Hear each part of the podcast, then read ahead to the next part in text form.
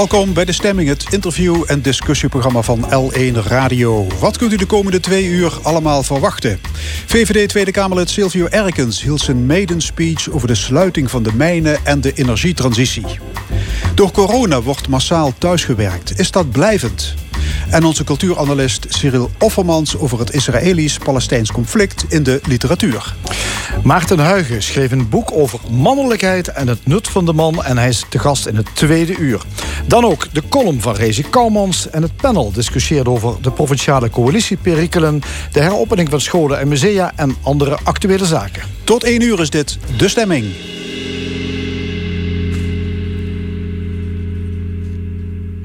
Bij de verkiezingen in maart werden vier nieuwelingen in de Tweede Kamer gekozen die afkomstig zijn uit Limburg. Eén ervan is inmiddels alweer gesneuveld vanwege seksueel grensoverschrijdend gedrag. En Silvio Erkens, hij is lid van de VVD-fractie. Hij is hier en hield onlangs zijn maiden-speech. Die ging over de sluiting van de mijnen, de sociaal-economische en maatschappelijke ellende die daar het gevolg van was en de lessen die we daaruit kunnen trekken voor de energietransitie. Aan tafel Silvio Erkens. Meneer Erkens, welkom. Goedemorgen. Hoe uh, spannend was het? De eerste keer achter het katheder in de Tweede Kamer? Nou, toch wel spannend uiteindelijk hoor. Ik dacht een week van tevoren uh, begint iedereen te vertellen van... Uh, ben je al zenuwachtig, ben je nerveus? Um, en dan hoor je dat andere mensen dat ook hebben. Ook die mensen met heel veel ervaring. En ik, ja, ik voel nog niet zoveel. En dan merk je toch dat je avond van tevoren al wat, uh, wat kriebels begint te voelen. En dat je de dag zelf gewoon nergens anders meer op kan concentreren. En het is toch natuurlijk een heel speciaal moment ja. om daar... Uh, ik hoor ook een tikkeltje nervositeit in uw stem. Ja, dat was zeker zo, ja. Op het begin uh, van de speech. De eerste uh, 30 seconden sprak ik ook iets sneller dan ik zou willen. En daarna kom je in ja. je verhaal gelukkig. En dan, uh, dan komt het allemaal weer gewoon op rustige grond terecht. Maar het was spannend, ja. Ja, het is goed gebruikt dat bij een maiden speech geen interrupties worden gepleegd. Dat is bij zo'n debuut wel prettig. Ja, dat is zeker dat prettig. En dat is waarschijnlijk de enige keer zijn in mijn uh, hele carrière... dat ik niet onderbroken ja. geworden in de Tweede Kamer. Dus daar heb ik van genoten. Het debat ging over, ik citeer... wijziging van de wet op kolen bij elektriciteitsproductie... in verband met beperking van de CO2-emissie. U dacht, ik ga er als jongen van de Mijnstreek... een persoonlijk verhaal vertellen. Ja, dus met de maiden speech is het vrij gebruikelijk. Hè, je eerste speech in de Tweede Kamer, dat je een persoonlijke noot eraan toevoegt en dat je dat koppelt aan het, het onderwerp van het debat uh, waar je voor aan de lab moet staan. Nou, nu was net die hele complexe wetswijziging, zoals, zoals jij hem ook noemde, um, ging over de codecentrales. Dus ja, dan, dan legt die link zich natuurlijk vrij logisch als je uit kerkraden komt. Ja, ja u vertelde een herinnering als ja. zesjarig manneke. U ging met uw moeder op bezoek bij uw oma in Heerlen. Ja. En toen? Ja, en dat, dat zijn dan ervaringen die je hebt opgedaan. Uh, zaken die je gezien hebt. Dus toen dat tijd in Heerlen, dat was het begin van de jaren negentig was dat nog. Uh, had je een groot probleem met, uh, nou, met, met drugsoverlast, met prostitutie. rondom het busstation ook in Heerlen en het treinstation. de tunnels, volgens mij kunnen de meeste luisteraars het ook wel herinneren. En ja, op dat moment is het gewoon een deel van, van jouw ervaring als kind. En het duurde voor mij vrij lang voor ik besefte waardoor die problemen zo groot zijn geworden. En die zijn natuurlijk eigenlijk bijna één op één terug te linken aan de mijnsluiting en de daaruit volgende werkloosheid in de regio. Ja, 75.000 banen zijn toen ja. verdwenen, hè? plus ja. ja. werkloosheid, armoede, misdaad. Ja. ja, en in een heel klein gebied natuurlijk. Hè? 20 bij 40 kilometer, 75.000 banen. Dat zou nu nog steeds een enorme schok zijn. Uh, en we hebben nu meer inwoners als Nederland, dus uh, dat was niet niks. Terwijl Heerlen in de bloeitijd van de mijnindustrie de rijkste en modernste stad van, van Nederland was. Enfin, het, het verhaal is bekend. Ja. Zeker. Heerlen was de modernste stad, de rijkste stad. De rest van het land was er jaloers op. En dan uh, ja, in 20, 30 jaar tijd was het echt gewoon... Uh, ja, de meeste, de meeste bondjassen van heel Nederland en Heerlen werden gedragen. Hè? Ja, klopt. Ja, ja, Lees het boek Het Geluk van Limburg. Ja. En nu, anno 2021. Uh, er is nog altijd een behoorlijke problematiek in de, in de parkstad.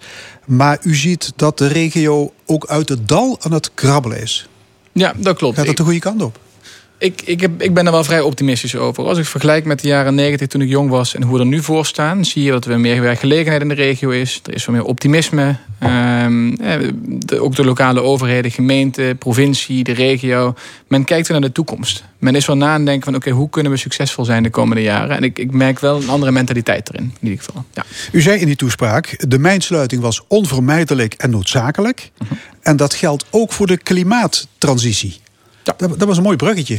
Dat was zeker een, dat was een gepland bruggetje om die reden ook. Ja. En, nee, dat klopt. En ik heb die mijnsluiting. Uiteindelijk was gewoon de wereld dusdanig veranderd dat het kolen uit Limburg niet meer kon concurreren met het kolen uit andere landen in de wereld. Om verschillende redenen. Dus dat die mijnsluiting eraan kwam, ja, dat, dat voelde iedereen wel aankomen. Ook hier in de regio, hoe ik het teruglees in ieder geval.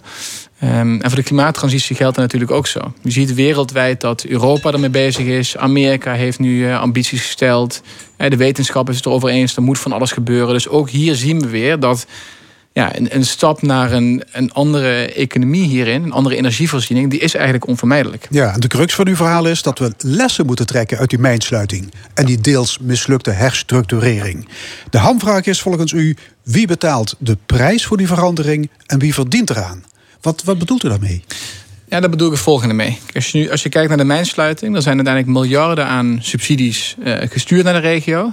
Dat heeft niet voor veel werkgelegenheid uh, gezorgd voor de mensen die hun baan zijn kwijtgeraakt onder tijd. Die zijn in verkeerde zakken terechtgekomen, deels. Die zijn deels in verkeerde zakken terechtgekomen, of deels uitgegeven aan, aan zaken die misschien niet uh, de meest effectieve zaken waren.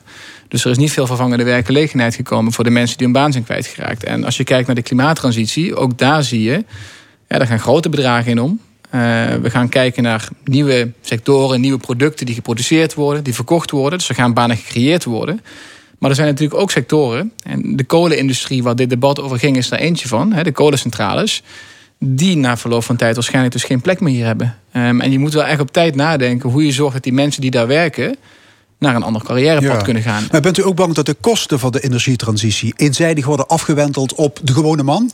Op de burgers? Het is wel een risico wat erbij zit. Ja, het risico is wel zo dat de, miljarden die elk jaar moeten uitgegeven worden, dat die via de energierekening bij mensen terechtkomen. En wat mij betreft is dat niet de bedoeling. Ja, die kosten die worden berekend op 3 miljard euro per jaar. Ja, dat zal toch de hele samenleving moeten ophoesten. Burgers en, en bedrijfsleven. Ja. Ik bedoel, waar moet je het geld anders vandaan halen? Natuurlijk. En, en daar is het natuurlijk belangrijk in wie dat gaat betalen. Hè. Dat zit, u zegt het ook al, het bedrijfsleven moet ook hun aandeel erin gaan betalen. En niet alleen de mensen thuis via de energierekening. Dus hè, dat er kosten gemaakt gaan worden is nogal logisch. Dat doen we ook voor andere zaken natuurlijk in de samenleving. Hè, waar we een stap willen zetten. Zorg, defensie, noem maar op. Maar het is wel van belang dat het niet eenzijdig terechtkomt bij de mensen thuis. Die, nee, snap ik. Maar, maar is, het, is het een idee om het deels via de belastingen te regelen?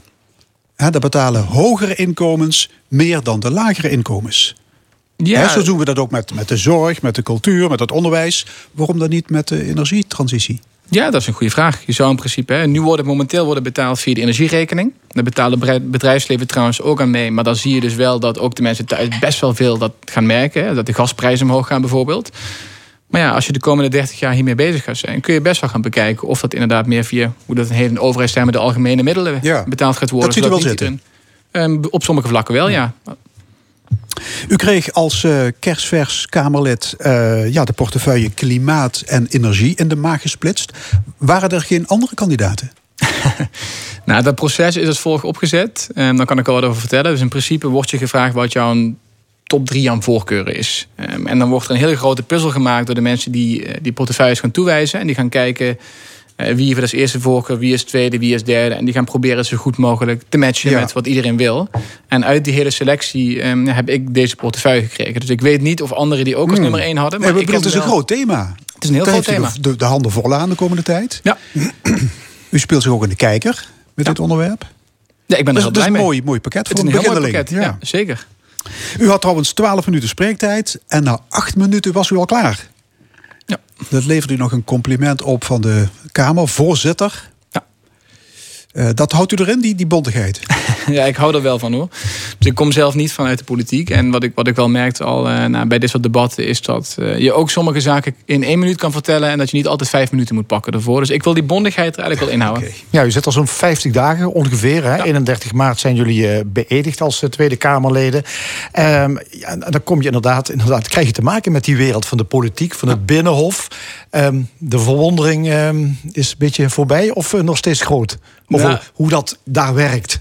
Ja, daar de verwondering, de verwondering is, is nog wel groot. Kijk, ik denk, een aantal dingen zijn me positief opgevallen. Dus ik vind de sfeer uh, achter de schermen ook... en ook met, met onze eigen clubmensen van, van de VVD in mijn geval... die is gewoon heel positief en goed. En mensen heel collegiaal en helpen je ook echt op het begin als je binnenkomt. Want je moet echt nog gewoon nou, wegwijs worden in het vak...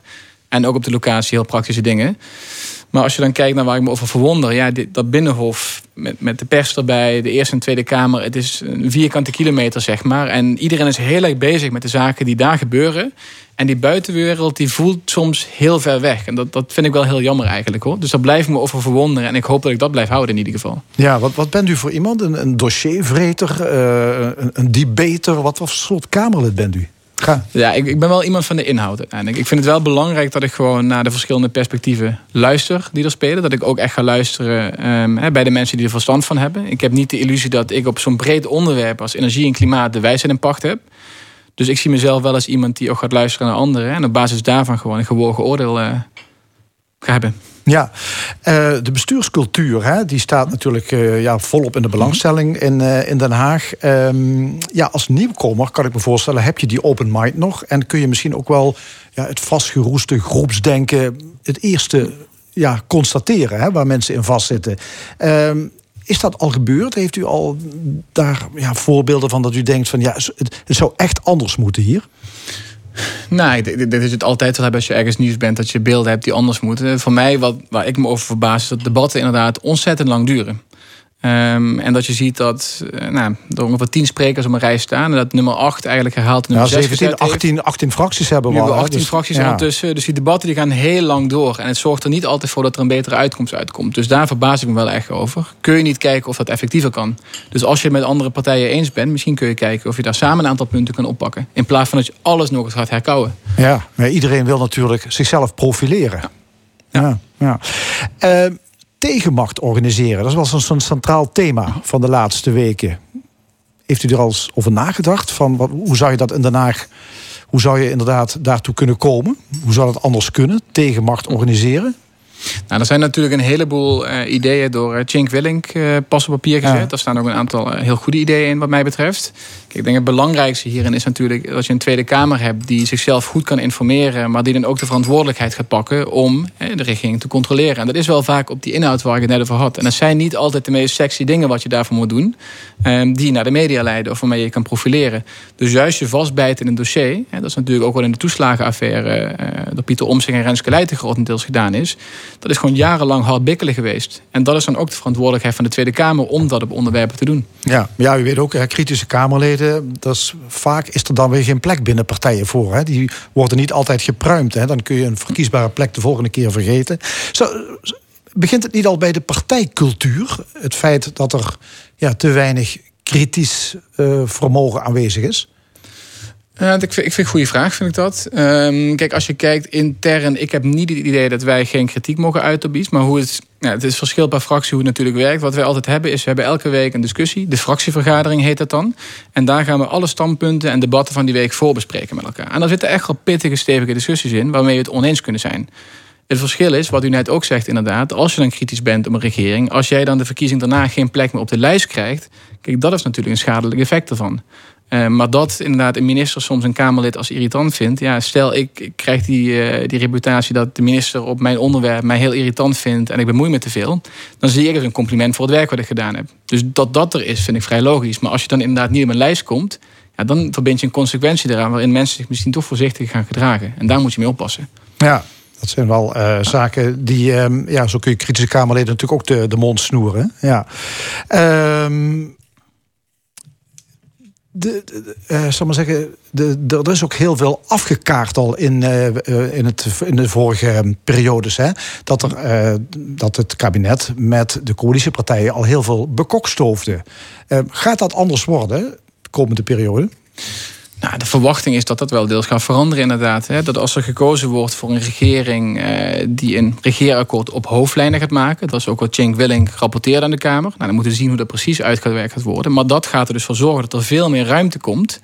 Um, om juist afwijkende standpunten over de jaren in te nemen... die nog niet zijn dichtgetimmerd in zo'n regeerakkoord. Terwijl als je natuurlijk een regeerakkoord maakt van 200 pagina's... waarin elk zinnetje alles staat beschreven en het is afgesproken dan is die ruimte er veel minder. Ja, u zou er wel voor zijn om die, die Kamer meer ruimte te geven? Ik, ik zou er in principe wel meer voor zijn als Kamerlidje. Het geeft ook voor mij natuurlijk in mijn rol meer mogelijkheden... om uh, tot wisselende coalities te komen... en tot andere standpunten te komen na verloop van tijd. Ja. ja, de naam Cenk Willing is al een paar keer gevallen... maar Jette Hamer is natuurlijk op dit moment eh, bezig met uh, de, kijken... Hoe, hoe, hoe er een nieuw kabinet gevormd zou kunnen worden. Wat krijgt u er eigenlijk van mee als VVD-Kamerlid? Worden jullie, zal maar zeggen, om de zoveel dagen bijgepraat door Mark Rutte?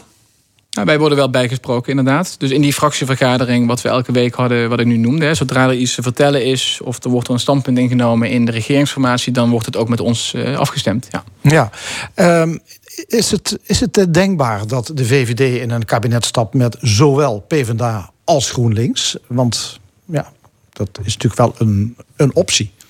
Nou, het is in ieder geval niet onze eerste voorkeursoptie, laat ik het zo zeggen. Uh, voor ons is het belangrijkste, wat Mark Rutte ook aangaf uh, deze week, dat in ieder geval uh, ook met de CDA aan tafel kunnen gaan zitten. Want dat is toch qua ideologie en qua standpunten zitten die een stuk dichter bij ons dan de PvdA en GroenLinks zitten. Ja, en als je maar niet daar ben je er niet mee, hè? alleen met CDA. Nee, daar ben je er niet mee. Dus D66 zit daarom ook aan tafel. Hmm. Maar voor ons is niet de voorkeursoptie om volledig via links te gaan natuurlijk. Ja, maar ja, je weet, PvdA en GroenLinks zeggen elkaar vast te houden. Dus is het voor de VVD. Uh, ja, is, het, uh, is het een optie om met beide partijen in het kabinet te gaan? Nou, het is niet de voorkeursoptie die we hebben, zoals ik net zei. Um, kijk, het is niet aan mij om je zaken te gaan uitsluiten of niet. Maar ik zou het wel gek vinden als je inderdaad twee partijen erbij pakt... terwijl je er maar eentje nodig hebt, laat ik het zo zeggen.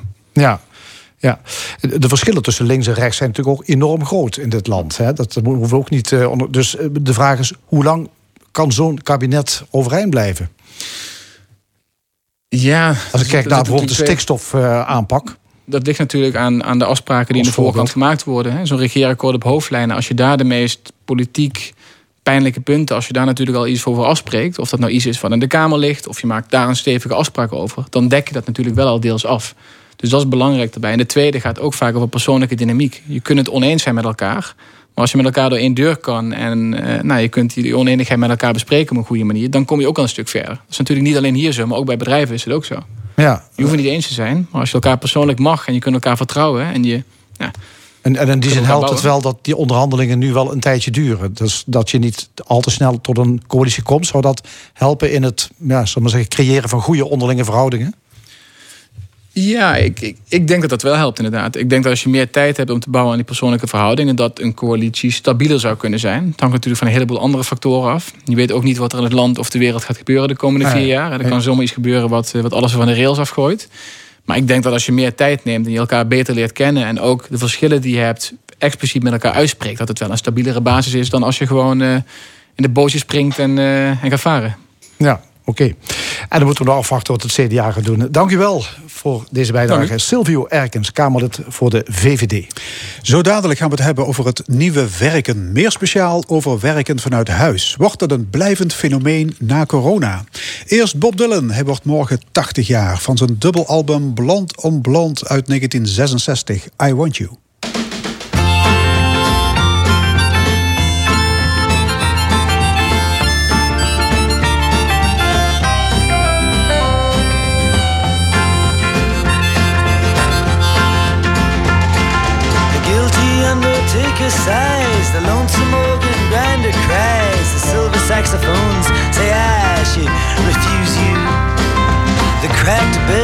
Washed out horns blow into my face with scorn, but it's not that way. I wasn't born to lose you.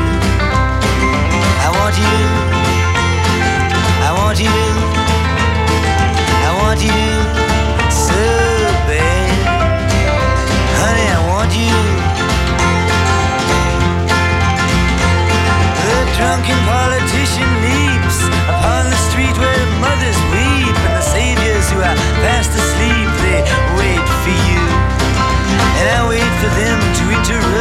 me drinking from my broken cup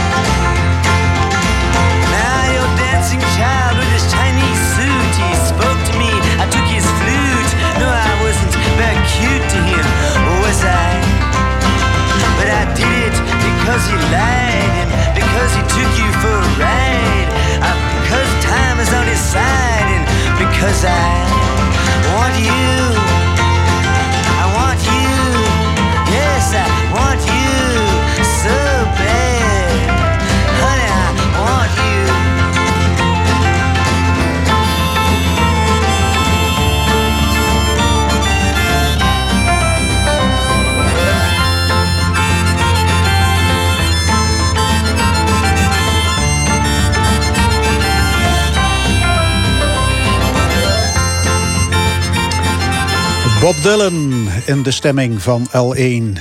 Al dik een jaar is thuiswerken de norm voor veel werknemers. Het onderzoek blijkt dat het merendeel ook na corona niet meer elke dag terug wil naar kantoor. Thuiswerken levert vrijheid op en voorkomt onnodige reistijd. Maar werkgevers zijn bang dat dat ten koste gaat van de productiviteit en zoeken naar controle. Docent organisatiekunde Martine Koen van de Open Universiteit doet al jaren onderzoek naar het nieuwe werken. Ze is er onlangs op gepromoveerd. Geert van der Vast woont in Maastricht en werkt in Amsterdam. Op kantoor komt hij zelden. Goedemorgen allebei. Goedemorgen. Uh, mevrouw Koen, thuiswerken bestond natuurlijk al langer, maar door corona heeft het een enorme vlucht genomen. Hoe is dat in zijn algemeenheid uitgepakt in Nederland? Of Europa, zoals je wil.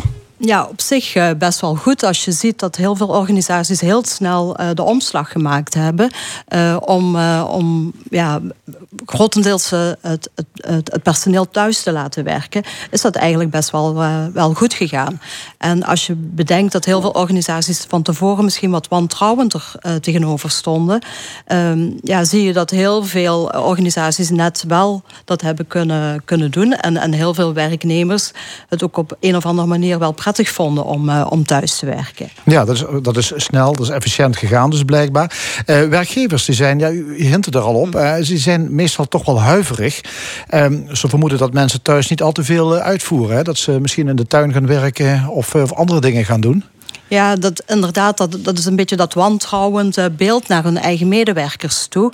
En eigenlijk heeft de praktijk het tegenovergestelde uitgewezen. Uh, we hebben zelf ook onderzoek daarna gedaan. En je ziet dat uh, bij heel veel werknemers en heel veel organisaties de productiviteit zelfs omhoog is gegaan. En dat je eigenlijk zelfs moet waken dat mensen niet te veel gaan werken. Dus, ja, hoe, hoe, kan dat? Want je zou zeggen van ja, als je thuis werkt, dan doe je het een beetje rustig aan. Dat dat, dat de indruk zou zijn. Ja, uh, dan ga je eigenlijk ook een beetje uit van een wat, wat wantrouwend mensbeeld naar mensen toe. Je moet je bedenken dat heel veel me medewerkers die in organisaties werken, dat zijn kenniswerkers die eigenlijk best wel zelfstandig hun werk kunnen plannen en organiseren. En een zekere verantwoordelijkheid hebben. Ehm, dat, dat is eigen aan het werk dat ze moeten doen. je hebt niet altijd meer een, een leidinggevende ernaast staan die het werk controleert. ja. Geert van der Vast zit hij ook hier aan tafel. Uh, u werkt bij een bank. Klopt. Uh, woont in Maastricht, maar die, dat kantoor van die bank zit in Amsterdam. En hoe vaak komt u daar nog? Nou, toevallig ben ik er nu net weer voor het eerst in heel veel maanden uh, geweest. Omdat ik echt even wat dingen moest regelen op kantoor. Maar ik heb eigenlijk sinds het begin van de pandemie. En de ABN AMRO was daar echt heel erg vroeg bij. Of, dat er nog mensen carnaval aan het vieren waren vorig jaar. Toen zei ABN al van nou, laten wij toch maar eens eventjes heel voorzichtig uh, omgaan met die werkplekken. Want je wil niet dat er een risico komt op het gebied van de ja, betaalverkeer. Dat moet gewoon doorlopen natuurlijk. Ja. Uh, dus uh, dat was, thuiswerken was eigenlijk al sinds maart vorig jaar. Ja, ruim een jaar. En meteen, hè? dus helemaal. Ja, en hoe zit het met uw werkuren? Want we horen dus dat veel mensen eigenlijk thuis harder, althans meer uren maken dan misschien wel op kantoor. Is dat herkenbaar? Ja, ik, ik snap dat heel goed. Want het, het klinkt inderdaad, hè, het beeld is inderdaad uh, snel gelegd van, nou, je zit toch thuis, dus uh, nou ja, niemand kijkt op je vingers, dus je gaat maar wat. Maar dat, dat is niet zo. Kijk, allereerst, het is maar een deel van de bevolking die thuis überhaupt kunnen werken. Hè. Pakketbezorgers, uh, mensen in de zorg, die kunnen niet thuiswerken. De mensen die dus maar, op kantoren zitten, wat ik heb ervaren, zeker in het begin, en dat is echt een fout die ik heb gemaakt, is ik had mijn werkplek in de leefruimte. Ja, dat moet je niet doen. Nee. Want wat gebeurt er dan? Dan ga je in plaats van dat je minder werkt, ga je s'avonds juist nog even die laptop aanzetten. Nog, nog even maar doorwerken, dan is dat ook alweer af. Ja, dan ben je daar ook weer vanaf. Ja. Maar ja, die mailtjes blijven natuurlijk komen. Ja, zo komt er nooit een einde aan. Daar wil ik het zo meteen over hebben voor die scheiding privé-werk. Uh, overigens, er zijn bedrijven die werknemers ook echt controleren met gluursoftware. Uh, is dat ja, is daar iets voor te zeggen dat dat slim is? Uh, Martine Koon? Nou, uh, volgens mij geeft dat wel een, een, een, signaal dat je je eigen werknemers uh, niet, uh, niet vertrouwt. als je dat op die manier gaat doen. je kunt het ook weer langs de andere kant Want software die controleert of jij daadwerkelijk op je toetsenbord bezig ja, bent. Ja, het aantal aanslagen of wanneer je inlogt. Ja. Maar goed, langs de andere kant kun je dat ook weer als werknemer weer omzeilen. als, je, als je gewoon een computer aanzet, dan, dan registreert hij dat. Maar dat wil nog niet zeggen dat je daadwerkelijk aan het werk maar is het, bent. Is, het, uh, bedoel, is er iets voor te zeggen? Want u zei al, het geeft, uh, het geeft aan dat je je werknemers wantrouwt. Maar zou er ook iets voor zijn? Ja, je kunt het ook langs de andere kant gebruiken. Hè. We hadden het net erover van, uh, dat mensen misschien te lang gaan, gaan werken. En dan dreigt burn-out, klachten, vermoeidheid en dergelijke. Dus als je het zou inzetten om, om mensen een beetje te behoeden voor, voor het feit dat ze te lang doorwerken zou dat misschien een, een, een mogelijkheid zijn. Maar ik sta er zelf soort, niet zo. Nee, een soort rode lamp die ja, ja. oplicht. Ja, dus je moet daar een beetje voorzichtig mee zijn, denk ik. Ja. ja. Ja, ik ben zelf, uh, hoe heet het? Ik stuur een team aan en ik heb natuurlijk ook weer een basis. Ik zit echt mooi in het midden, maar dan kun je dus ook van twee kanten.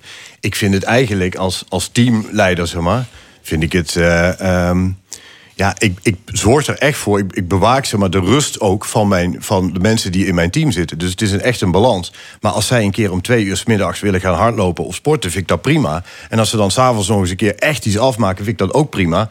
Alleen als je structureel om twee uur s'nachts mails krijgt, dan ga je toch wel eens even vragen van joh, wat is hier aan de hand? Ja, ja dat nieuwe werken dat omvat ook veel meer dan alleen maar thuiswerken. Um, want ja, je, je ziet al, het komt hier al ter sprake, management. Uh, er moet een soort ander management gevoerd worden. En dat is waar u ook naar kijkt in uw onderzoek. Ja, inderdaad. Uh, vaak wordt het, uh, het, het, het, nieuwe werken vooral gefocust op het, het, thuiswerken. Het feit dat je op een andere plek zit. maar dat betekent eigenlijk ook een hele andere manier van aansturing. Daar ging mijn onderzoek over. En je hebt eigenlijk twee uitersten. Enerzijds heb je leidinggevenden die de neiging hebben om te gaan controleren te gaan monitoren. Omdat ze denken van, uh, ik weet niet goed wat, wat die medewerkers allemaal doen. En langs de andere kant heb je het andere uiterste... waarbij er gedacht wordt van, ik moet ze helemaal loslaten. Hè? En dat is natuurlijk ook niet de bedoeling. Het is zoals hij net al aangaf... je moet daar een soort balans in zien te vinden. En eigenlijk vergt het nog meer van leidinggevenden... nu ze op afstand zitten.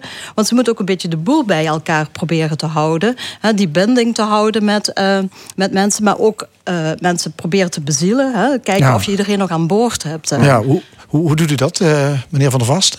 Nou, um, ja, precies zo. Dus je, je, je kijkt heel erg naar... je maakt gewoon afspraken van wat, wat gaan we doen. Hè? Dus wat gaan we de komende weken doen. Ik ga niet controleren of zij om negen uur die laptop openklappen... en om vijf uur weer dichtklappen. En op het eind van de week kijken we... nou was dit te doen in de, in de afgesproken tijd? Uh, heb je daar, hoe, hoe heb je dat ingevuld? Ja, als je dat op die manier doet. Het, het gaat erom dat je per werknemer, per collega bekijkt wat zijn of haar behoefte is. Mag ik één voorbeeld geven? Ik heb een, een, een paar jonge mensen. Die wonen in Amsterdam op een postzegel van 30 vierkante meter. Dat zijn kleine huisjes. Ja, als je die mensen vijf dagen thuis laat werken, dat kan niet. Dat is gewoon niet verstandig. Andere mensen die hebben net jonge gezinnen. Die hebben misschien heel veel, weet je, die moet je de zorg met, met, met, met werk een beetje combineren. Die zullen misschien wat vaker s'avonds, omdat ze dan even de rust hebben om daadwerkelijk dingen te doen. Dus die laat je s'avonds wat dingen doen. Maar die jonge mensen, om die te verbieden om naar kantoor te gaan, dat is niet goed. En die jonge ouders, om die te verplichten om naar kantoor te gaan, dat is ook niet goed. Nee, want uh, de kantoor is voor veel mensen ook een plek natuurlijk om sociale contacten te onderhouden. Ja. Ja. Dus als je ze afsnijdt, ja, dan worden ze misschien wel vereenzamen. Ze ja, misschien en jonge mensen hebben juist de behoefte om netwerk op te bouwen om, om mensen te ontmoeten, om nieuwe mensen te leren kennen, om indrukken op te doen. Ja, dan gaat die toch drie dagen naar kantoor of vier. Ja. Ja. Hoewel ik kan me ook kan voorstellen dat je dan, als je naar kantoor wil gaan, om misschien inderdaad eens iemand te ontmoeten, dan kom je op kantoor, is er niemand. Want ja, iedereen werkt thuis. Ja, dat wordt natuurlijk de uitdaging ook uh, straks. Hè? Want we gaan niet helemaal meer terug naar, naar allemaal naar kantoor. Maar ook dat volledige thuiswerken, dat wordt het ook niet. Dus we gaan naar een hybride vorm toe. En, en dat gaat denk ik wel de uitdaging voor organisaties worden. Um, om, om daarnaar te kijken. Je ziet dat heel veel organisaties zijn daar nu ook over aan het nadenken. En in eerste instantie eh, starten ze met uh, of het hele ICT-gebeuren op orde is. Uh, de kantoren, het fysieke aspect, is dat op orde. Maar je moet gaan kijken van voor welke activiteiten heb ik het kantoor nodig? Voor welke ja. activiteiten kan, kan thuis. En hoe ehm, ga je die teams laten beslissen ehm, eh, welke activiteiten ze thuis doen en welke, welke op kantoor? Ja. Want er bestaat natuurlijk een gevaar. Stel dat je een team hebt dat, eh, waar, waar, iemand, waar de groepsdynamiek is van we gaan allemaal thuis werken, dan is dat weer lastig voor mensen die misschien op kantoor willen werken. Maar ook omgekeerd. Dus Ja. daar denk ik ligt een hele uitdaging. maar, maar heb je niet gewoon ook toch behoefte aan mensen om je heen, eh, bijvoorbeeld om creatieve processen, om die op gang te helpen? Hè? Als je met elkaar aan het brainstormen bent, je, dat- die ideeën uitwisselen, dat werkt toch niet als je via Teams vergadert? Nee. Dan, Nee, dan dat- moet je elkaar toch zien, dan moet je kunnen. Ook bij de koffieautomaat moet je kunnen overleggen en ouwehoeren. Ja, nee, zeker. En ik moet ook echt eerlijk bekennen dat het hele jaar, zeg maar, eh, toen we echt niet naar kantoor mo- mochten vanwege de pandemiegevaar, ja, dat is, dat is niet leuk. Dat is niet leuk. Eh, dat is, want je mist je collega's gewoon. Ja, maar, maar eh, heeft u de indruk dat jullie bij, bij de bank... eh, dat je ook in, in het werk misschien wel dingen hebt moeten laten liggen... omdat je toch niet bij elkaar aan tafel zit? Misschien op, op een, een heel klein beetje, omdat je inderdaad bepaalde creatieve processen via Teams moet doen. Ik verwacht dat zo gauw nou ja, de pandemie onder controle is en je kunt weer elkaar ontmoeten. Dan denk ik dat je met een aantal sessies per maand. En ik bedoel, ik ga niet nooit meer naar kantoor. Maar ik vind het niet erg om één keer per week vanuit Limburg naar Amsterdam te rijden. Ja. En dat ga je dan met elkaar doen. Maar ik ga niet naar Amsterdam om, om mijn e-mails te gaan zitten beantwoorden. Dat is natuurlijk raar. Ja. Wat- Maakt het dan nog iets uit of je te maken hebt met hoogopgeleide kenniswerkers... of met mensen die misschien gewoon op een ander niveau... puur uitvoerend werk doen? Maakt het iets uit of je dat thuis doet of op kantoor? Ja, het, het hangt van de, van de activiteiten af. Hè. Ook mensen die wat lager opgeleid zijn, kunnen ook dat, dat werk thuis doen. Eh, in mijn eigen organisatie zie ik dat, dat vooral mensen van ondersteunende diensten voorheen nooit thuis werkten. En nu met de pandemie wel. Dus het kan wel. Maar er zit ook nog een andere factor aan. En die heeft ook met persoonlijkheid te maken. Eh, dus wat we in de literatuur de need for structure noemen. Er zijn, heel veel, eh, er zijn ook heel veel mensen die een, een soort aansturing nodig hebben. En die, die dat wel prettig vinden om misschien met een aantal mensen samen eh, op kantoor eh, te zitten. Ja, die hebben Dus juist het is- behoefte aan die structuur. Ja. Ja, ja. Geert van der Vast, eh, u werkt in, eh, in Amsterdam, maar dus in feite vanuit huis hier in Maastricht. Wat is het grote voordeel van deze manier van werken? Nou ja, voor mij, en ik heb meerdere collega's die niet, niet helemaal naar Maastricht zijn gegaan, maar wel naar, eh, nou ja, verder van de werkplek zijn gaan wonen. Ja, voor mij, ik, ik, ik, bedoel, ik ben Limburger, ik ben hier opgegroeid, eh, ik heb- ben hier naar de middelbare school gegaan. Ik, ben, ik heb 22 jaar in de Randstad gewoond en eigenlijk puur vanwege werk. Eh, ja, ik wilde al wel langer terug. Alleen dan is het best moeilijk als je vier keer per week naar kantoor moet. Ja, dat is nu helemaal omgeslagen. Ik dacht, ja, ik ga het gewoon proberen. Dus ik heb was een maar- zegen die corona eigenlijk. nou ja, in ieder geval voor mijn, voor mijn persoonlijke situatie heeft dat dus de ruimte geboden om terug te komen naar Limburg. En ik ben daar heel blij mee. Ja.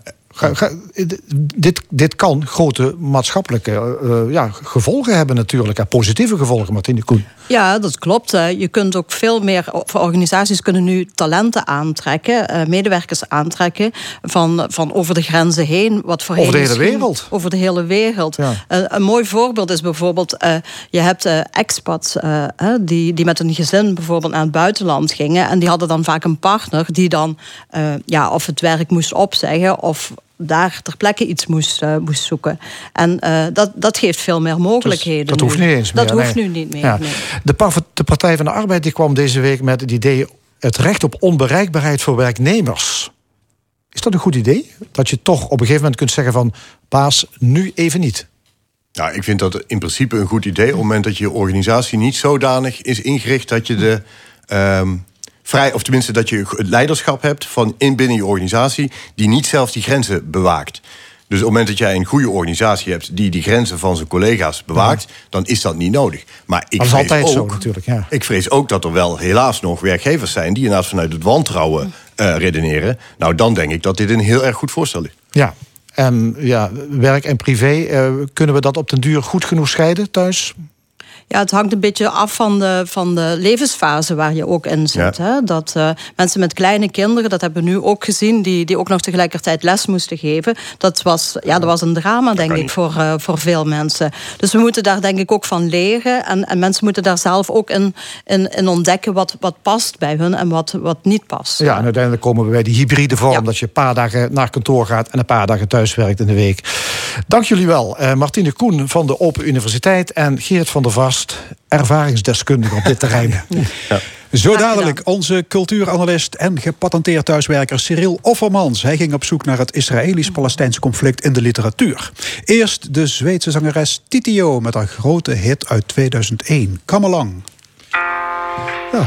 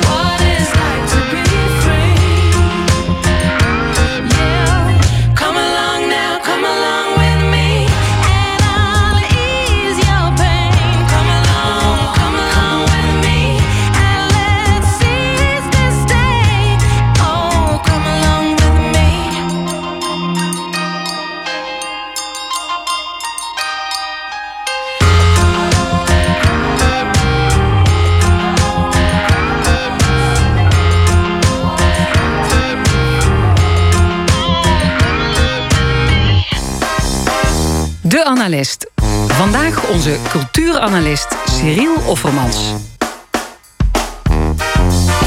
Cyril, welkom. Hoi. Je wil het vandaag hebben over literatuur die gaat over het conflict tussen Israël en de Palestijnen. Ja. ja, ik gebruik het woord conflict. Dat wordt door alle media gebruikt. Jij vindt dat woord niet op zijn plaats? Nou ja, uh, ik vind het nogal eufemistisch. Conflict, dat veronderstelt iets eenmaligs meestal. Iets wat ook van niet al te ernstige aard is.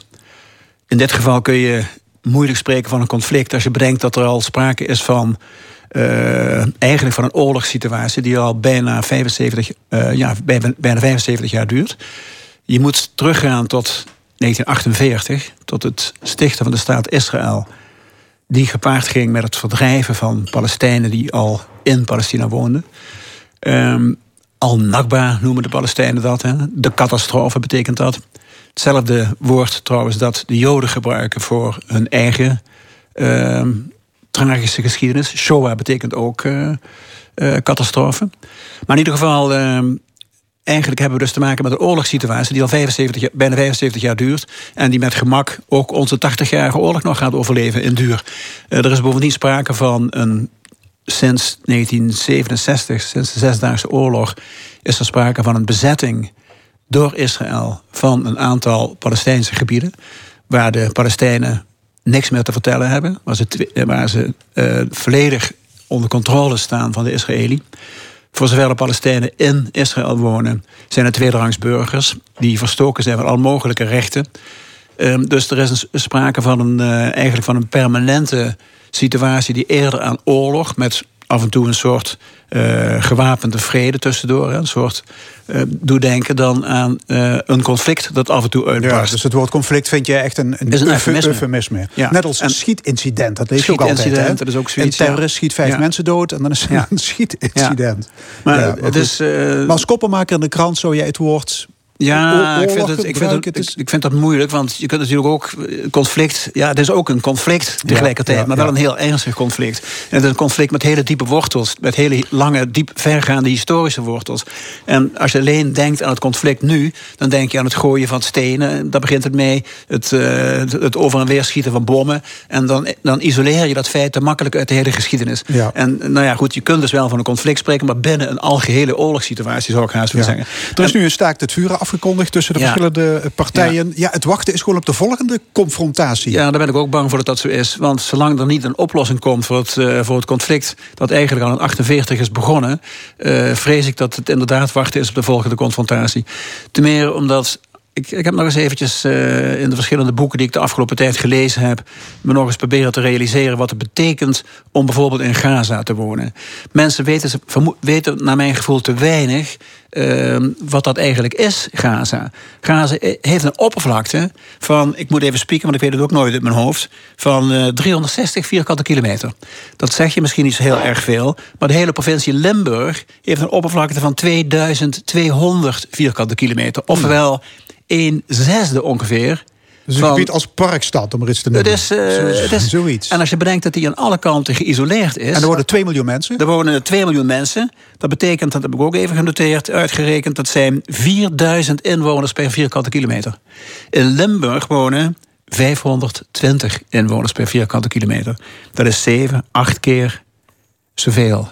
Ze wonen daar op een kluitje. Ze zijn aan alle kanten geïsoleerd. Ze kunnen de provincie niet uit. Aan de ene kant is er een zee. Aan de andere kant zijn er eh, grensposten... waar ze alleen maar na zware controle door mogen. Onder speciale omstandigheden... waar ze ook voortdurend eh, opgehouden worden... gepest worden door soldaten. Eh, het is dus eigenlijk een soort openluchtgevangenis. En dan is dat natuurlijk een, een, een voedingsbodem voor terreur. Dat kun je je heel makkelijk voorstellen. Hamas, ik ben bepaald geen voorstander van Hamas... Eh, Hamas is natuurlijk ook een zeer bedenkelijke, fundamentalistische en ook terroristische organisatie. die ook binnen Gaza eh, ja, terreur bedrijft en de mensen kort en klein houdt en controleert. Dus het is niet zo dat als ik, als ik pleit voor een oplossing van die problemen daar. eh, en ook vooral pleit voor, een, voor meer oog voor de situatie van de Palestijnen. Dat dat betekent dat je automatisch voorstander van Hamas of wat dan ook zou zijn. Tegendeel is waar. Ik ben tegen elke vorm van extremisme. Eh, en eh, ik denk ook dat bijna alle verstandige auteurs, over wie ik het zo meteen nog even zal hebben, dat ook zijn. Ze zijn altijd tegen extreme, tegen zowel het extremisme van Netanyahu en zijn eh, ultra-orthodoxe aanhang, zijn ultra-rechtse aanhang ook van een belangrijk deel. Eh, maar evengoed tegen het extremisme van Hamas en dergelijke. Ja. Alleen het ene extremisme is, naar mijn gevoel, net iets beter te begrijpen dan het andere. Die eh, Israëlisch-Palestijnse kwestie is het thema van diverse romans. Ja. Jij wil een paar van die boeken onder de aandacht brengen. Ja. Met welke schrijver wil je beginnen? Nou, het, het, het- eigenlijk zijn er een stuk of drie, vier schrijvers waar ik het heel even over wil hebben. De eerste is bij meer mensen vermoedelijk wel bekend. Dat is Amos Os. Twee jaar geleden ongeveer is die overleden. Ehm, Os is een, eh, een Israëli die eh, een groot aantal boeken geschreven heeft. Zowel fictieve boeken, romans, verhalen, als ook essays. beschouwingen over het conflict. Uh, in die beschouwingen uh, blijkt, hij te zijn, blijkt iemand te zijn die voortdurend uh, de dialoog zoekt, om het maar eens uh, in of meer pastorale termen te zeggen. Iemand die het gesprek met de tegenstander zoekt en probeert overeenkomsten te vinden. Ehm, tegelijkertijd is hij in zijn romans heel uitvoerig um, schrijft hij heel uitvoerig over zijn eigen levensgeschiedenis. Die heel ver teruggaat naar alle mogelijke plekken in Oost-Europa. waar zijn ouders en zijn grootouders vandaan komen. Het is een autobiografische roman gebaseerd op feiten. Dus het is, uh, er komt geen, er komt geen fictie aan te pas. Behalve natuurlijk wel verbeelding komt er wel aan te pas, maar geen fictie. En um, het is een boek waarin uiteindelijk uh, Amos Os probeert het. Uh, het, uh, het tragische bestaan van zijn moeder die op een gegeven moment al vrij jong zelfmoord gepleegd heeft, het tragische bestaan van zijn moeder te verklaren uit omstandigheden waarin zij nu eenmaal terechtgekomen is.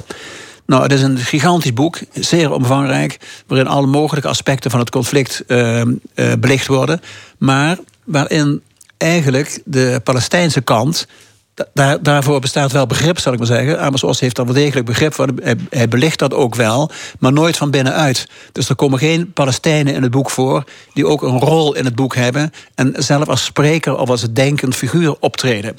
En daarom... Ja. ja.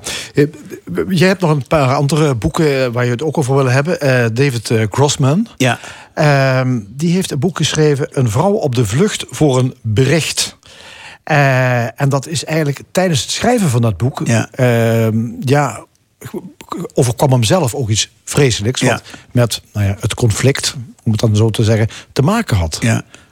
Nou, het, het, uh, een, een, het heet inderdaad een, uh, een vrouw op de vlucht voor een bericht. Het is een fictief boek. Maar het is als het ware door de werkelijkheid ingegaan. Dat is net wat je suggereert. Ehm, die vrouw heeft haar zoon uh, het leger ingestuurd. Die moest het leger in. Heeft, uh, heeft uh, afscheid genomen van haar zoon. Ja, een Israëlische vrouw. Is een Israëlische vrouw, precies. En zij is natuurlijk voortdurend bang dat er iets met die zoon gebeurt. Want zij kent de verhalen uit de omgeving. op een gegeven moment staan er een paar soldaten voor de deur. En als, als dat feit zich voordoet, weet je hoe laat het is. Dan is het bijna altijd een heel noodlottig bericht... van dat er iets ergs gebeurd is. Die zoon is dan vaak overleden. Uh, daar gaat dat verhaal over. Het verhaal is, uh, die vrouw maakt een grote wandeling door Israël met een vriend, Abraham. En uh, zij vertelt haar hele levensgeschiedenis en alle mogelijke andere aspecten van wat ze, wat ze denkt en meemaakt, hoe ze over de situatie in het land denkt aan die vriend. Um, en dan is het inderdaad zo dat Grossman halverwege het boek het bericht krijgt dat zijn eigen zoon, die in Libanon vocht, is gesneuveld. Dat is, een dat is realiteit. Hij, kort, heel kort is hij helemaal van, van zijn stuk. Hij kan, hij kan eigenlijk niet verder werken. Op een gegeven moment gaat hij na een week, omdat hij zich geen raad weet, gaat hij maar weer eens achter het manuscript zitten. En ziet dan dat een zin niet goed loopt, dat hij hier en daar een linie aan En dan begint hij gewoon op technisch niveau aan, die, aan dat boek te ja, werken. Je zou denken, hij gaat het misschien ombouwen tot een autobiografisch Precies, verhaal. dat zou, dat zou je inderdaad, dat, dat zou je denken. Als je het verhaal zo achteraf hoort, dan denk je dat, dat zal, dan zal er een breuk komen. En dan zal hij wel een, een soort omslag maken naar een autobiografische zal die boek wel een autobiografische wending geven. Maar dat is niet het geval. Het is wel zo dat er waarschijnlijk, naarmate het boek vordert, zal die, die gebeurtenis natuurlijk wel eens een hoofd zijn blijven spelen. En zal dat wel mede bepaald hebben hoe hij over de situatie denkt. Maar het is niet zo dat dat. Uh, het blijft fictie. Ja. Ja. Mal Grossman is dus iemand die uh, heel nadrukkelijk uh, de, de tegenstander zo gezegd opzoekt en probeert om in dialoog te komen. Ja, maar buiten die Israëlische auteurs zijn er natuurlijk ook uh, mensen uit andere delen van ja. de wereld die het conflict wel hebben ja, aangepakt om daar een roman over te schrijven. jij wil het hebben bijvoorbeeld over Colin McCann. Dat is ja. een Ier. Ja. En welk boek daarvan heeft jou geraakt? Uh, nou, ik ken. Hij heeft meer boeken geschreven, maar ik ken er maar één. En dat is ook het, volgens mij het enige dat over deze kwestie gaat. Dat heeft een beetje een rare titel. Moet ik altijd even spieken. Dat heet Aperogon onhandig lijkt me, want niemand kent dat woord. Ik kende het ook niet. Het heeft iets te maken met oneindigheid en met. Daar ga ik nog maar even niet op in. In het boek zelf wordt het uitgelegd, maar dat is te ingewikkeld om het nu uit te leggen. Het is een, uh, het is een uh, documentaire roman. Een dik boek, net als die twee vorige die, waar we het over hadden. Het zijn alle drie dikke boeken. Waar, uh, die, die wel wat vergen van lezers, maar die dan ook heel veel te bieden hebben. Dit boek. Um, is gebaseerd op de feitelijke levens, levensgeschiedenis van twee mannen, een Palestijn en een Israëli. En die, ehm, hebben allebei, die hebben allebei iets meegemaakt dat hun uiteindelijk in elkaars armen drijft. Ze hebben namelijk allebei iemand verloren in de oorlog. Eh, allebei een dochter verloren. Eh, de Joodse man heeft een eh, dochter verloren die door een kogel getroffen is. En de andere heeft een dochter verloren die bij een aanslag om het leven is gekomen. Die twee mannen waren vervuld van haat en van wraakgevoelens, allebei.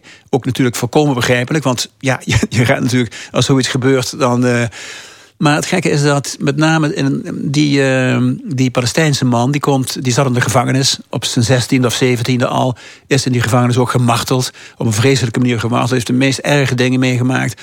Maar kwam op een gegeven moment op de gedachte dat hij er geen, geen haar mee opschoot, helemaal niks meer opschoot, als hij zelf die wraakgevoelens internaliseerde en als hij zelf die, die, die, datzelfde gedrag van die bewakers die hem voortdurend maltreteerden en pesten en noem maar op, als hij dat overnam, dan werd hij zelf alleen maar een, een erger, uh, een, een, een, een misdadiger mens van. Die kwam tot dat inzicht dat dat anders moest. En die kwam op een gegeven moment, toen hij uit de gevangenis kwam, in die gevangenis had hij trouwens al Hebreeuws gestudeerd. En had hij zich met allemaal juridische kwesties. Hij, ontmoet die Joodse man. En wat gaan ze samen? Want ze gaan samen iets doen. Ze gaan samen, ze, ze richten een, eh, een, een eh, soort genootschap op van, uh, van Parents for Children, of zoiets heet het, geloof ik, in het Engels. En uh, ze, ze gaan proberen om bijeenkomsten te beleggen. om wederzijds begrip te tonen en om elkaars geschiedenis. Want ook de, de Israëli's weten niets in het algemeen, enkele uitzonderingen daar gelaten, van de Palestijnse geschiedenis. Andersom ook niet. Ja. En ze willen die segregatie opheffen door met elkaar te praten en door het land te gaan in de hoop uh, ja, dat, dat, er toch ook nog ergens een perspectief komt wie ja. beters. Colin McCann, Apeirogon. En je hebt trouwens al die boeken die je nu beschreven hebt. Uh, je hebt het lijstje hier liggen. Wij gaan het uh, plaatsen op onze internetsite. Ja, dat is goed. Straks is de gast in de stemming Maarten Huygens, schrijver van het boek Het Nut van de Man. Is de man uit de mode en kan hij maar beter zijn mannelijke manieren afleren? Verder een column van Rezi Kouwmans, het discussiepanel en nog veel meer. Blijf luisteren, tot zometeen.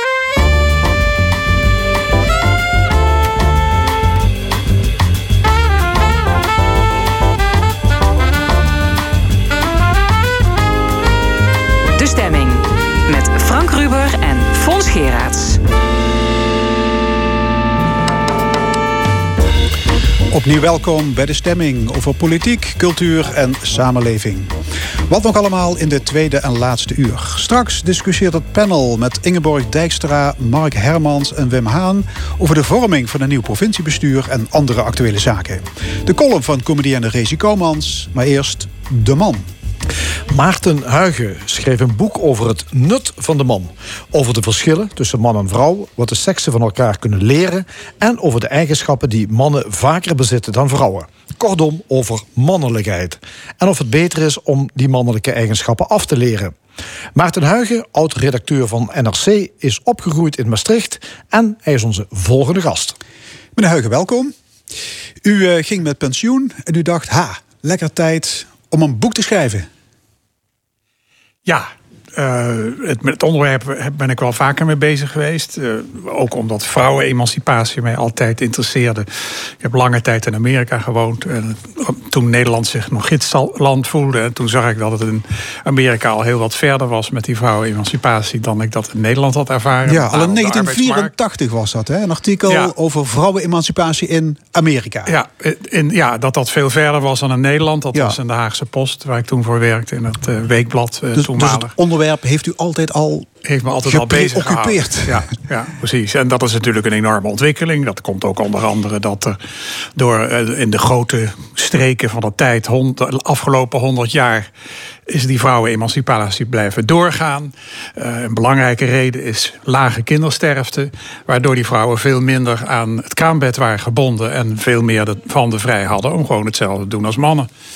Dat verschil was in dat opzicht minder belangrijk. Die arbeidsverdeling, die in de 19e eeuw sterker was dan ooit, want daarvoor was hij ook nooit zo sterk geweest, uh, die, uh, die werd daardoor minder, minder duidelijk. Ja. En de reden daarvoor werd minder duidelijk. U heeft de nodige research gedaan voor dit boek. U bent ook op pad geweest. Heeft de coronapandemie u niet ernstig belemmerd? Nee, want ik had het grootste deel van de reportages was al af. Ik heb ook met een voetbal, uh, amateur voetbalclub in Friesland meegelopen. Uh, mannelijke teams en hoe zij met elkaar omgaan. En dat was al grotendeels af. En verder heb ik nog wat mensen gesproken. En het voordeel van de coronapandemie was dat ik alle tijd had om te schrijven. Weinig afleiding. Ja. Wat wilde u eigenlijk aan de weet komen met dit boek? Wat ik aan de weet wilde komen is omdat... Uh, Vooral uh, uh, bij MeToo is dat er een versnelling gekomen. Dat een man alleen een negatieve zin uh, wordt gerefereerd. Er is ook al onderzoek naar gedaan door een Australische psycholoog, onder andere, ehm, Stuart Williams. en dan blijkt dat zowel mannen als vrouwen zich ongemakkelijk voelen bij positieve verhalen over mannen.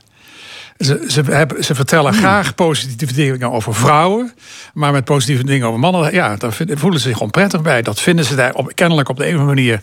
Uh, uh, vinden we wat seksistisch. Ja. Terwijl, als je, terwijl je wel vrouwen wel in de lucht steken. Ja, en dat zie je wel heel erg in het, in het publieke debat. Het eerste hoofdstuk heet ook: De man is uit de mode. Want, zegt u, eh, de man als soort is negatief in het nieuws. En zeker de wetten. En dat komt dus vooral door die MeToo-beweging. MeToo heeft dat tot een stroomversnelling uh, gebracht. Het beeld van de man als seksueel roofdier. Ja, seksueel. Is dat een stereotypering? Of is dat, dat is een, stereotypering. feit? Dat is een stereotypering, want de meeste mannen zijn geen uh, seksuele roofdieren. En de voorbeelden van MeToo zijn natuurlijk mannen met veel macht. Dat is een kleine minderheid. En dan nog de kleine minderheid van mannen met macht die die, die macht misbruiken. Ja, uh, en dan zijn er natuurlijk ook seksueel misbruik van ja, in, in andere verhoudingen. Maar het is niet nou dat de man standaard uh, dat gedrag vertoont. De man is uit de mode. Toch schrijft u ergens: dit boek gaat niet over de ondergang van de man. Is het een poging om begrip te kweken voor mannelijkheid? Voor mannelijkheid en ook de voordelen van mannelijkheid. Dus uh, we leggen nu enorm de nadruk op de nadelen van mannelijkheid. Uh, als het een mooie zonnige dag is, dan zetten die mannen de motorfiets flink open ja. zonder knalpijp. En iedereen heeft er vreselijk veel last van. Dat, is een, dat zou je een soort excess kunnen noemen.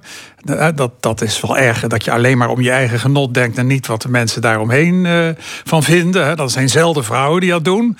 Nou ja, over al dat soort dingen, seksueel misbruik, geweld overigens, uh, geweld binnen een relatie trouwens. Vrouwen initiëren dat ook vrij vaak. Het is niet zo dat alleen mannen dat doen. Uh, maar ja, mannen zitten zich in de, bevinden zich aan de extremen. Ja, maar het is u te doen om, om eigenschappen die mannen vaker bezitten dan vrouwen. Ja. En welke zijn die eigenschappen? Nou, onder andere, daarvoor heb ik die reportage in die voetbalclub, daar zie je dat heel duidelijk. Uh, dat mannen in grote groepen uh, makkelijker, zich makkelijker in grote groepen bewegen, zich makkelijker over dingen heen zetten. Dat heeft ook wel nadelen, dat ze misschien langer met emotionele problemen blijven zitten, omdat ze daar moeilijker over praten. Maar een van de voordelen is dat je bij een groot team, dat uh, als eenmaal een conflict is uitgevochten, dat mannen dat accepteren. Dat is ook een vrouw die deed business studies, die vertelde mij dat, een student, en dat is een mooi voorbeeld. Die, uh, die, zat, die deed business studie aan een hogeschool. En die zat in een klein team. En die moesten samen een werkstuk maken. En uh, zij nam de leiding. En uh, er was één man die haar voortdurend aan het ondergaven was. En uh, zij werd er onzeker van. En op een gegeven moment nam ze een besluit. En iedereen uiteindelijk afgezien van die ene man die het er niet mee eens was, die zei: Oké, dat moet je doen. En zei de volgende dag: Oh, dan gaat die man verschrikkelijke problemen veroorzaken. En de volgende dag volledig het gezag geaccepteerd. Hmm. Geen enkel probleem. Prima samengewerkt. En heel veel vrouwen bij dat voetbalteam in uh, Friesland, Sloten Friesland, Sleert, VV Sleert. Ja. Uh, die zeiden ook, uh, bijvoorbeeld de, degene die, die de voetballers van het veld moesten oprapen, die gewond waren geraakt. Zeiden ja, een van de voordelen is, ik heb ook allerlei vriendinnen, maar die problemen blijven dan voortdurend doorzieken. Hmm. En, en hier is het gewoon meteen afgelopen. Okay. Je ziet het ook bij het, uh, het opzetten van bedrijven. Dat zijn starters, dat, echt start-ups. Vrouwen zijn ook vaak ondernemers, maar die hebben zelf dan alleen een bedrijf. Mannen hebben vaak start-ups die meteen groter worden en zich uitbreiden en ja. expanderen. Dat wil niet zeggen dat vrouwen dat niet doen, maar mannen doen dat vaker. Ja, Ik heb ook begrepen dat je tegenwoordig moet oppassen met het laten voorgaan van een vrouw. Want dat wordt gezien als welwillend seksisme. Wat, wat is dat voor een term? Ja, welwillend seksisme. Ja, welwillend seksisme is dan uh, verbonden met het op een voetstuk zetten van de vrouw. Als je het te veel voor laat gaan en te veel uh, de egaars betoont, uh, de jas aan afneemt, dan, dan wordt dat geassocieerd met een seksistische houding. dus je moet oppassen met dit soort hoffelijkheid. Je, gaat, gaat, dat niet, gaat dat niet wat ver? Dat is niet altijd zo. Ik weet in de tijd, eh, toen in de jaren tachtig, toen ik meer in mijn eerste ronde, dat vrouwen dat juist in Amerika enorm op prijs stelden. Terwijl men in, in Nederland zei: nee, dat doen we niet, want uh, ik ben geëmancipeerd. Terwijl in Amerika wilden ze dan ook dat je helemaal om de auto heen liep. Daar het portier opende, een vriendin, zodat zij eruit kon gaan. Terwijl daar zij veel verder waren in de arbeidsmarkt. Nou, je hebt natuurlijk ook bij de Titanic, daar lieten de mannen hè, bij de ondergang van de Titanic in 1912 dat grote passagierschips. Toen lieten de mannen de vrouwen voor. Dus uh, vier vijfde van de mannen is daar overleden. En uh, maar een kwart van de vrouwen. En de sloepen waren ook vaak leeg. Uh, is dat hoffelijkheid of is dat domheid? Uh, nou ja, in de, uh, later, 100 jaar later had je de ramp met de Costa Concordia. En uh, daar lieten de mannen de vrouwen zeker niet voor. Dat was één groot gevecht. Nou, en daar de kapitein, net iets de meer kapitein was als eerste van, De kapitein was als eerste weg. Ja, dat is een groot contrast ja. met toen. Geen vrouwen en kinderen eerst. Er was totaal getuige in hiërarchie en dat is een grote chaos. En er, er overleden net iets meer vrouwen. Want mannen hebben, mannen hebben net iets meer kracht. En dan speelt alleen de lichamelijke kracht. Dus ja, die hoffelijkheid heeft soms ook wel voordelen voor, uh, voor, vrouwen. Over lichamelijke kracht gesproken, er zijn typische mannenberoepen en typische vrouwelijke beroepen. En je kunt stellen dat mannen uh, eigenlijk goed scoren aan beide kanten van de statistiek. Hè. Ze zitten op topposities en ze knappen het vuile ja. en zware werk op. Ja, precies. Hij, u schrijft ergens, er zijn meer mannelijke genieën, staatslieden, ondernemers en wetenschappers. Maar er staan moordenaars, schurken, zedendelinquenten en zwak, zwakbegaafden tegenover. Ja, ja, en daklozen. Daklozen zijn hoofdzakelijk mannen. Mannen die het huis uit worden gegooid. Uh, mannen die bijvoorbeeld werkloos zijn geraakt. En want de vrouw dan zegt, uh, ja, wat doe je hier eigenlijk nog? Of je, je uitkering wordt gekort, dan wordt er een extra iemand in je huis. Ja, en die raken dan dakloos. Dat zie je dus bij vrouwen veel minder. Ja, dus de man is extreem beter en slechter dan, dan de vrouw? Slechter en veel ja, beter af. Dus men zegt, he, door het enorm gegeneraliseerd, de man is geprivilegeerd. Nou, daar is echt zeker geen sprake van. Dat kun je zijn algemeenheid helemaal niet zeggen. Ga dat eens even zeggen, die altijd op zijn knieën op straat zit te werken. Ja, je bent een geprivilegeerde man. Daar zul je als politicus niet populair mee maken. En uh, ja, dat is, een enorm, dat is een verschrikkelijk stereotype. Er zijn natuurlijk een aantal geprivilegeerde mannen, zeker. Maar de meeste mannen zijn niet de baas. We zeggen, ja, de mannen domineren, die zitten boven. Ja, dat is een issue. Er zijn natuurlijk inderdaad, uh, mannen zitten meer aan de top. En er zijn minder vrouwen, maar de meeste mannen zitten niet aan de top. Ja. dus uh. U het gaat heel erg uh, van een heel opgeleide ja. discussie. U haalt een uitspraak aan voor de vrouwelijke cultuur, criticus. Zonder mannen zouden we nog in plaggenhutten leven. Dat is Camilla Palja. Ja. Ja, wat, wat, wil zij daarmee zeggen? Zij daarmee zeggen dat uh, uh, zij wil daarmee zeggen dat uh, de inventiviteit van mannen, dat mannen ook altijd. En het kan best dat dat, dat langzamerhand gaat veranderen. Maar het is wel zo dat ook tot nu toe verreweg de meeste patentaanvragen van uitvindingen. En dat komt misschien ook door de historische achterstand van vrouwen. Verreweg de die komen toch van mannen. Mannen doen nog steeds verreweg de meeste uitvindingen. Ja. Met maar, natuurlijk... maar vrouwen zijn ook, ook eeuwenlang in die zorgrol geduwd. Die ja, moesten dat is eten zeker koken, waar. die moesten voor de ja, kinderen zorgen. En die, en die, mannen die hadden tijd om te ontdekken en, ja, en, te ondernemen. En dat is zeker waar. Mannen zijn ook wel, hebben meer de neiging om risico te nemen. Dat is gewoon een algemeen verschil, wat wel een onderzoek blijkt. En misschien dat dat ooit verandert, maar nu is dat, dit is de situatie van nu. En natuurlijk verandert het. Uh, Pfizer onder andere. Een belangrijke Hongaarse vrouw. Een belangrijke factor in de ontwikkeling van, van die nieuwe RNA-techniek. Ja. Van het vaccin. het vaccin. Dus er zijn zeker ook vrouwen die hun mannetje staan. En als ze hun mannetje willen staan, dan kunnen ze heel veel leren van mannen. Dat betekent meer risico nemen, soms ook wat meer zelfvertrouwen, ook wel eens ergens aan beginnen waar je niet zo verschrikkelijk veel verstand van hebt. Een beetje bluffen. En ik, ik heb ook bij een cursus gezeten voor uh, vrouwen, een soort trainingscursus. En daar wordt ook gezegd: je moet op gewoon bluffen, net zoals de mannen, want anders kom je nergens. Je moet het erop op wagen. Net zo goed als mannen ook van vrouwen kunnen leren, kunnen vrouwen van mannen leren. Het is gewoon niet zo dat de ene soort mens slechter is dan nee. de ander. Dat maar wat is, kunnen mannen leren van vrouwen? Eh, mannen kunnen zeker, het is natuurlijk wel soms heel vervelend uh, dat zij soms minder goed op emotionele. Een van de voordelen dat ze makkelijk in een groep werken, dingen opzij zetten. Wat soms ook tot conformisme natuurlijk kan leiden. Of tot motorclubs. Hè. Het, mhm. heeft niet lang niet altijd voordelen. Maar en een van de andere nadelen is dat je dingen niet uitspreekt. Dat dingen blijven hangen. Dat je er moeilijker over praat. Dat je moeilijker emotionele dingen aan de orde kunt stellen. Daar zijn vrouwen voor het beter in. Dat is dus typisch een van de dingen. Daar kunnen mannen zeker van uh, vrouwen leren. En uh, soms meer letten op relaties. En hoe mensen dingen. Dus aan de emotionele kant zijn vrouwen historisch altijd sterker geweest. Dat wil niet zeggen, je hebt soms ook vrij, vrij, harde tantes die net zo hard zijn als mannen. Maar het is, mhm. of als veel mannen. Hè, de, het zijn natuurlijk spectra. Er zijn ook mannen die zich meer vrouwelijk. Hè, het is een spectrum tussen twee uitersten. Ja, ja. Waar, waar zit u zelf? Ja, ik zit er ook ergens tussenin. Ik ben redelijk extravert. En vrouwen scoren over het algemeen hoger in extraversie dan mannen. Ik ben niet zo dus zorgvuldig. Nou, dat zijn mannen doorgaans ook wat minder dan vrouwen. Uh, ik ben, uh, nou ja, vriendelijk. Dat zijn vrouwen meestal zijn wat vriendelijker dan mannen. U heeft een hoop feminine ik heb ook een feminine trek. Ik voel me wel duidelijk man.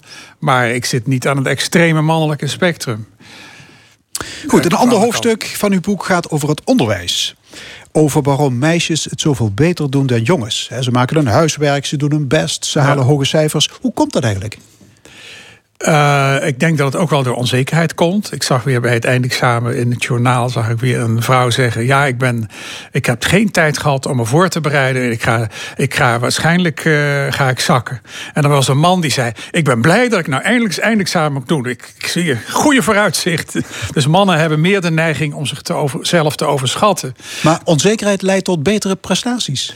Ja, en dit zit tot grotere zorgvuldigheid en een hmm. betere voorbereiding. Mannen denken meer, ik red me wel. En ik denk dat de concurrentie nu groter is geworden, omdat vrouwen ook blijken in alles geschikt te zijn wat mannen ook kunnen, doorgaans. Dus concurrentie is heftiger en vrouwen zijn onzekerder en zijn dus beter voorbereid. Ja. En de hersens groeien sneller van meisjes?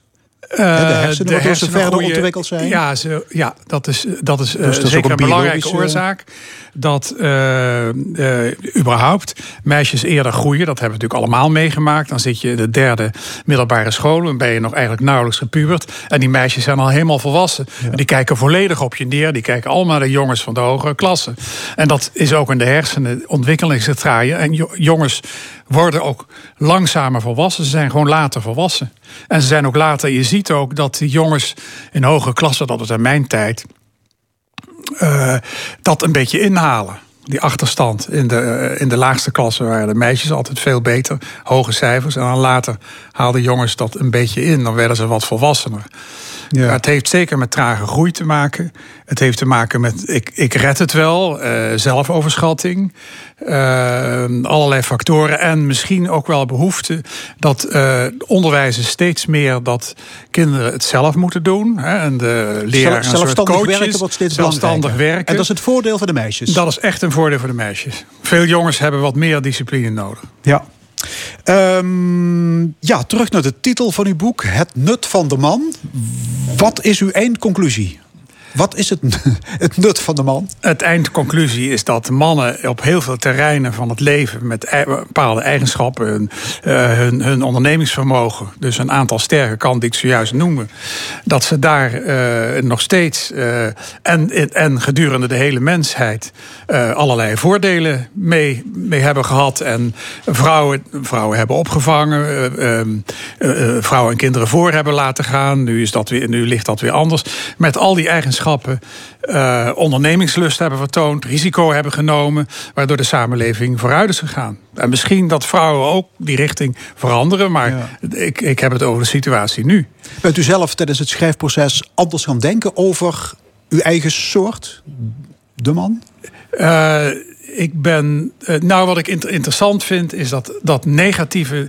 dat je niks is negatief. Alle, neg alle nadeel heeft zijn voordeel en elk voordeel heeft zijn nadeel.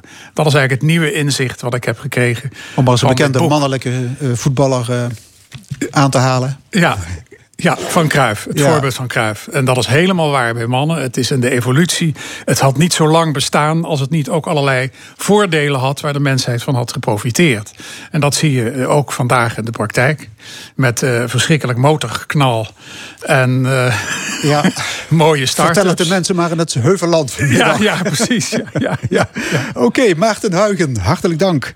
Het boek Het Nut van de Man is verschenen bij uitgeverij Atlas Contact. En dadelijk nemen we in de stemming de actualiteit van afgelopen week door over het nieuw te vormen provinciebestuur, de heropening van scholen en andere zaken. En Rezi Kouwmans die is er met haar column. Maar eerst, Always on the Run. Hier is Lenny Kravitz.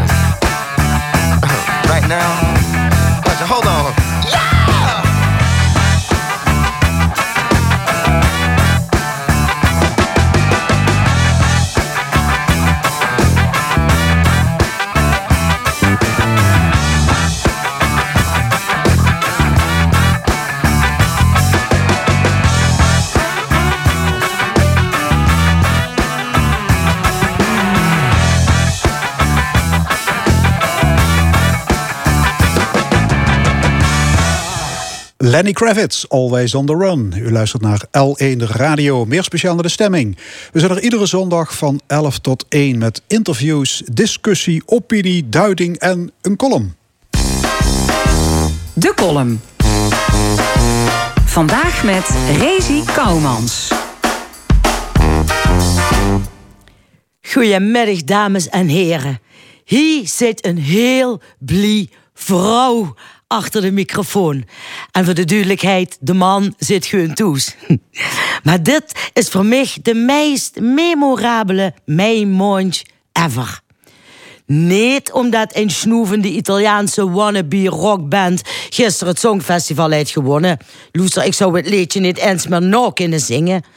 Een Songfestival waar miljoenen mensen jaloers zoten te kijken naar 3500 field labbers die beer drinken en knuffelend uit de plaat gingen bij de meest verschrikkelijke nummers van Oost blok botox pompende poppen. En we onze eigen Duncan Lawrence zien moment om live te shinen. Het moeten missen doordat er positief getest was. Nou, dat was dan wel op IJsland nou het enige positieve aan deze avond. Deze meimond is ook niet memorabel omdat het CDA eh, serieus overweegt om toch deel te nemen aan een nieuw kabinet omdat het volgens Lingo Lucille tijd werd dat het land weer eens geregeerd werd. Alsof Su ergens de ballen verstaan. Ja, sorry, heel flauw grapje, maar ik moest het toch maken. Mich dat ze toch eens eerst aan haar integriteitsprobleem moeten gaan werken... voordat ze mich de wetten voor gaan schrijven. Zo. Memorabel. Ook niet vanwege de Wildwest taferelen in Amsterdam en Broek in Waterland. Waar Karen Bloemen immers live het doodgeschoten zien waren. Maar zo hel zal ze zich wel niet geschrokken zijn, want ik zag er gisteren ook in een hooi zitten door. Nou, als ik daar zou wonen, dan zou ik de naam verhangen in Broek vol Waterland. Want die politie zullen zich ook wel grot geschrokken zijn dat ze opeens echt aan het werk moesten in plaats van coronaboetes uitschrijven. Net zo helder als dat het voltallige Belgische leger en het halve Nederlandse leger.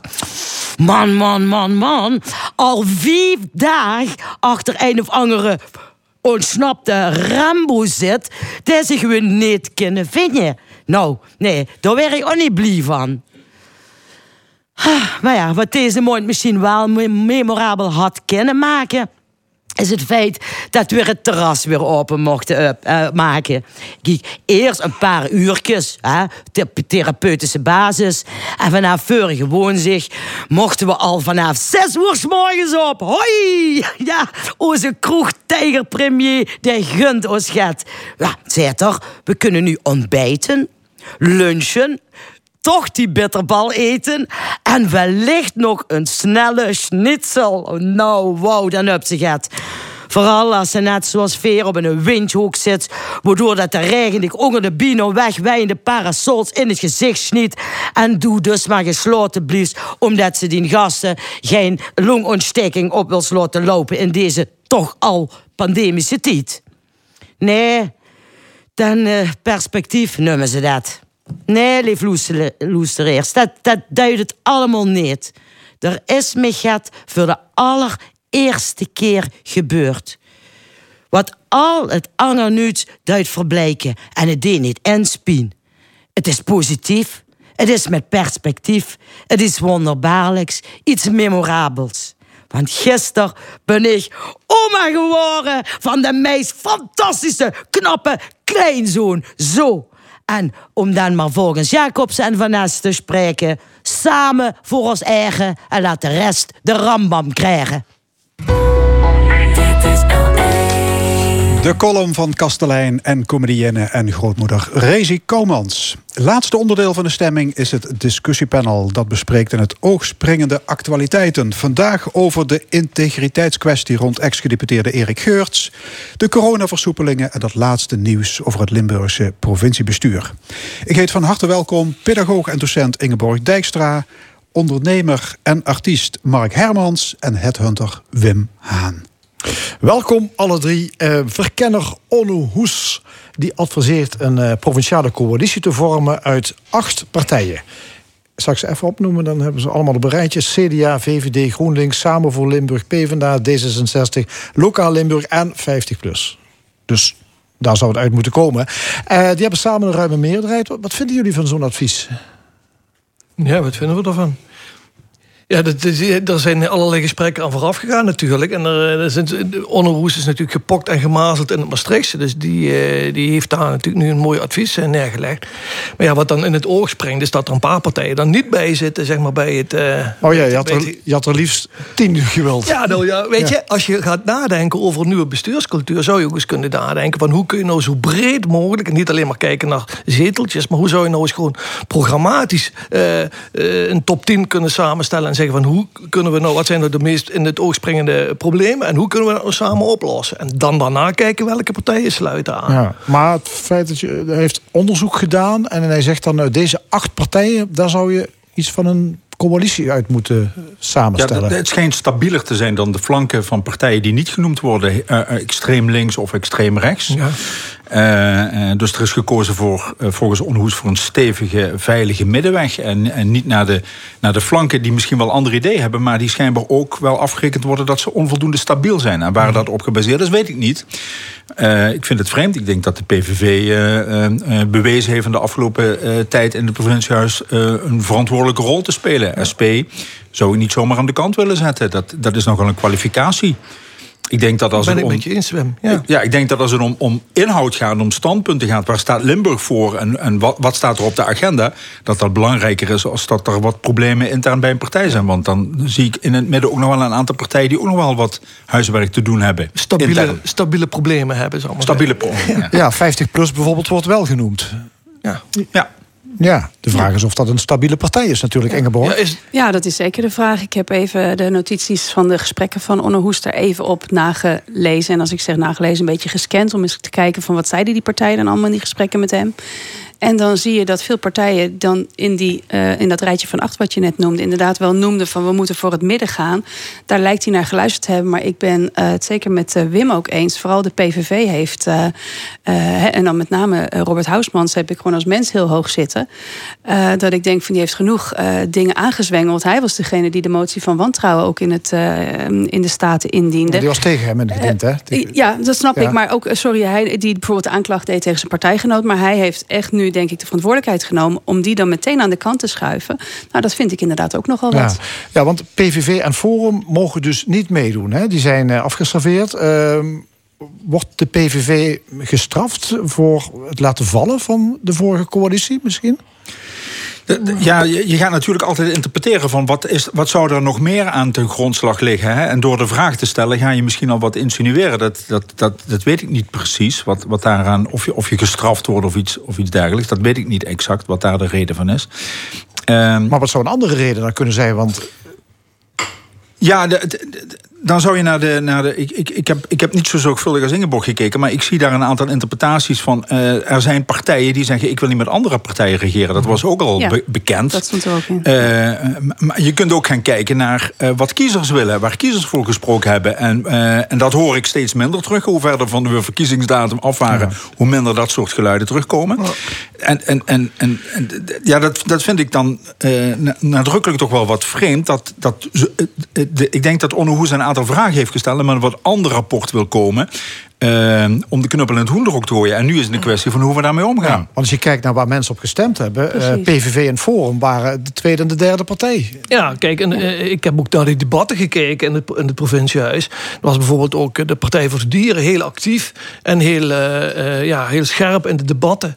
En, en ik vind dat nog niet een extreem linkse partij... En waarvan ik nog denk, wow, wow, dat zo slecht voor Limburg zijn. Ik bedoel, het zijn ook mensen die geworteld zijn hier in deze, in deze provincie... en ook een bepaalde visie hebben. En als je dan wel ziet welke problemen dat er nu spelen, zowel landelijk als provinciaal, en men kiest een extra parlementaire oplossing. Hè, dus dat je zegt, we gaan veel meer op een programma punt zitten, wat meer eh, een wat dunner regeerakkoord, maar dan op provinciaal niveau.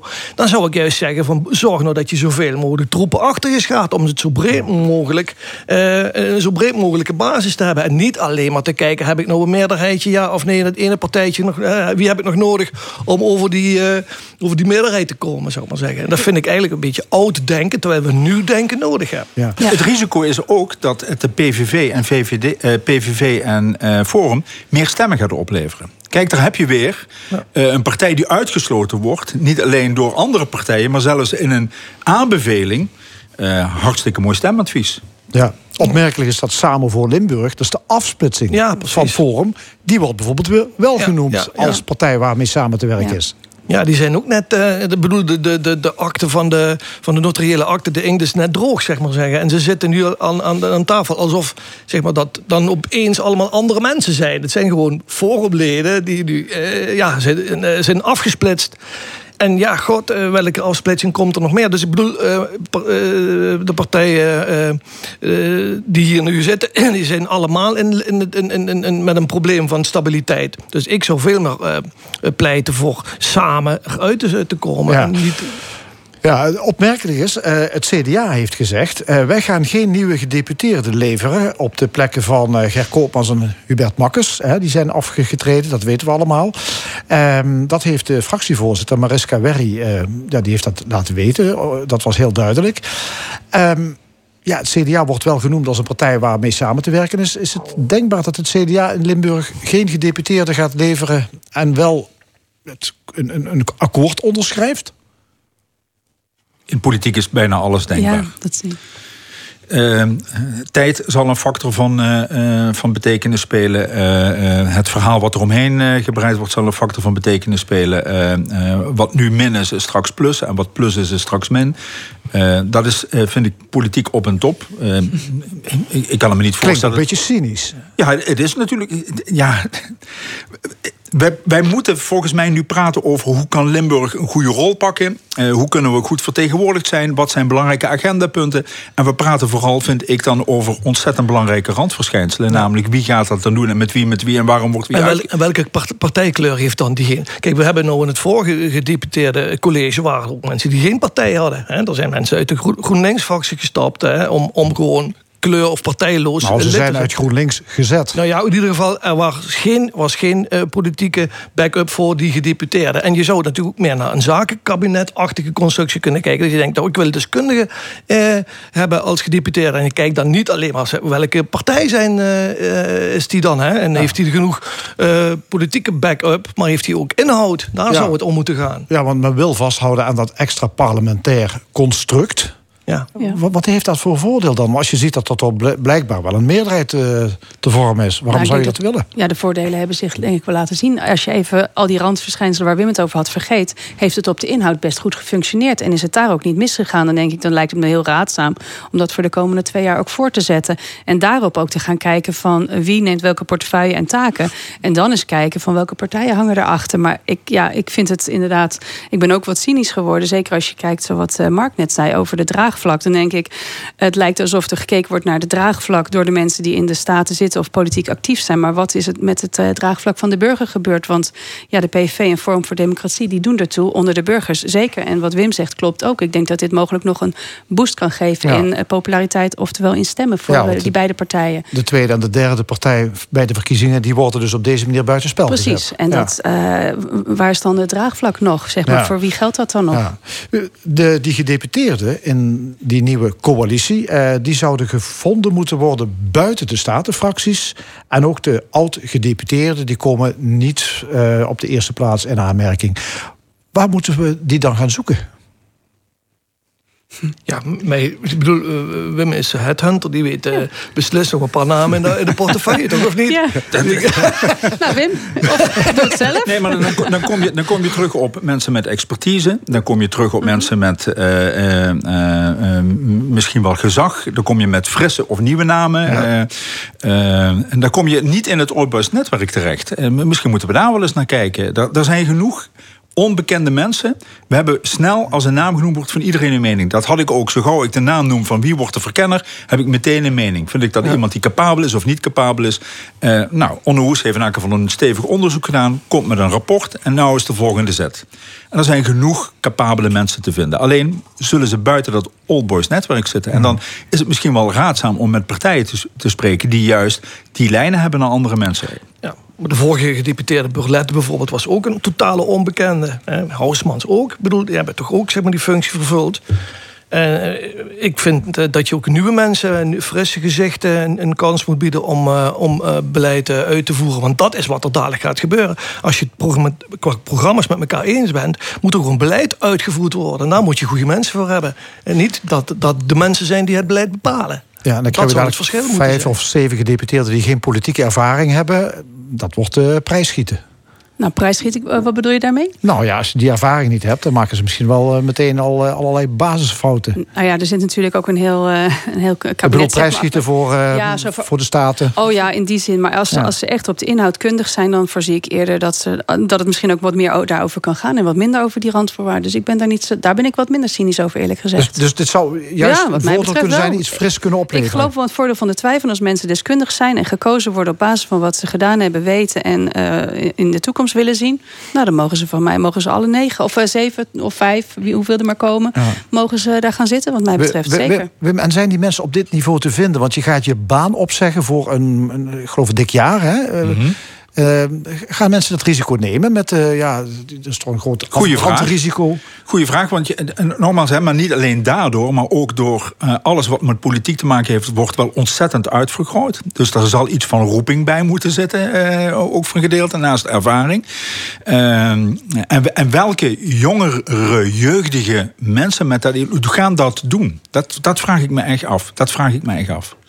Want uh, uh, je hebt het over prijsschieten, maar prijsschieten is niet uh, onderling in partijen, maar is natuurlijk ook de opinie, de pers. Ja, zeker. Media, ja. zeker ja. Je hoeft maar één ding te doen, het wordt tien keer uitvergroot. En, en, ik denk dat politiek, dat het lastig te vinden is om, om, lastig mensen te vinden is die echt gaan warmlopen voor de politiek op deze manier. Nog even terug naar het begin. Ja, het is begonnen, die bestuurscrisis, met die corruptieaffaires.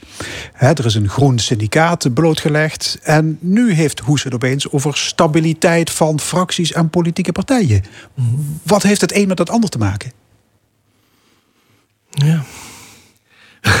Weet je, ik, ik, ik zie ook opeens een hele verschuiving in die discussie. Het gaat opeens weer over totaal andere zaken. Het is net alsof we dat een beetje weer vergeten zijn. Dat, dat er een gigantische bestuurscrisis is geweest. Hè? En dan zeggen we, nou, we rekenen nou die mensen uh, af die uh, zijn afgetreden. Want dat waren dan degenen die dan... Hè, uh, de oorzaak waren van het probleem. En nu gaan we gewoon met de, met de partijen weer door. Ja. Alsof er eigenlijk niks gebeurd is. Ja.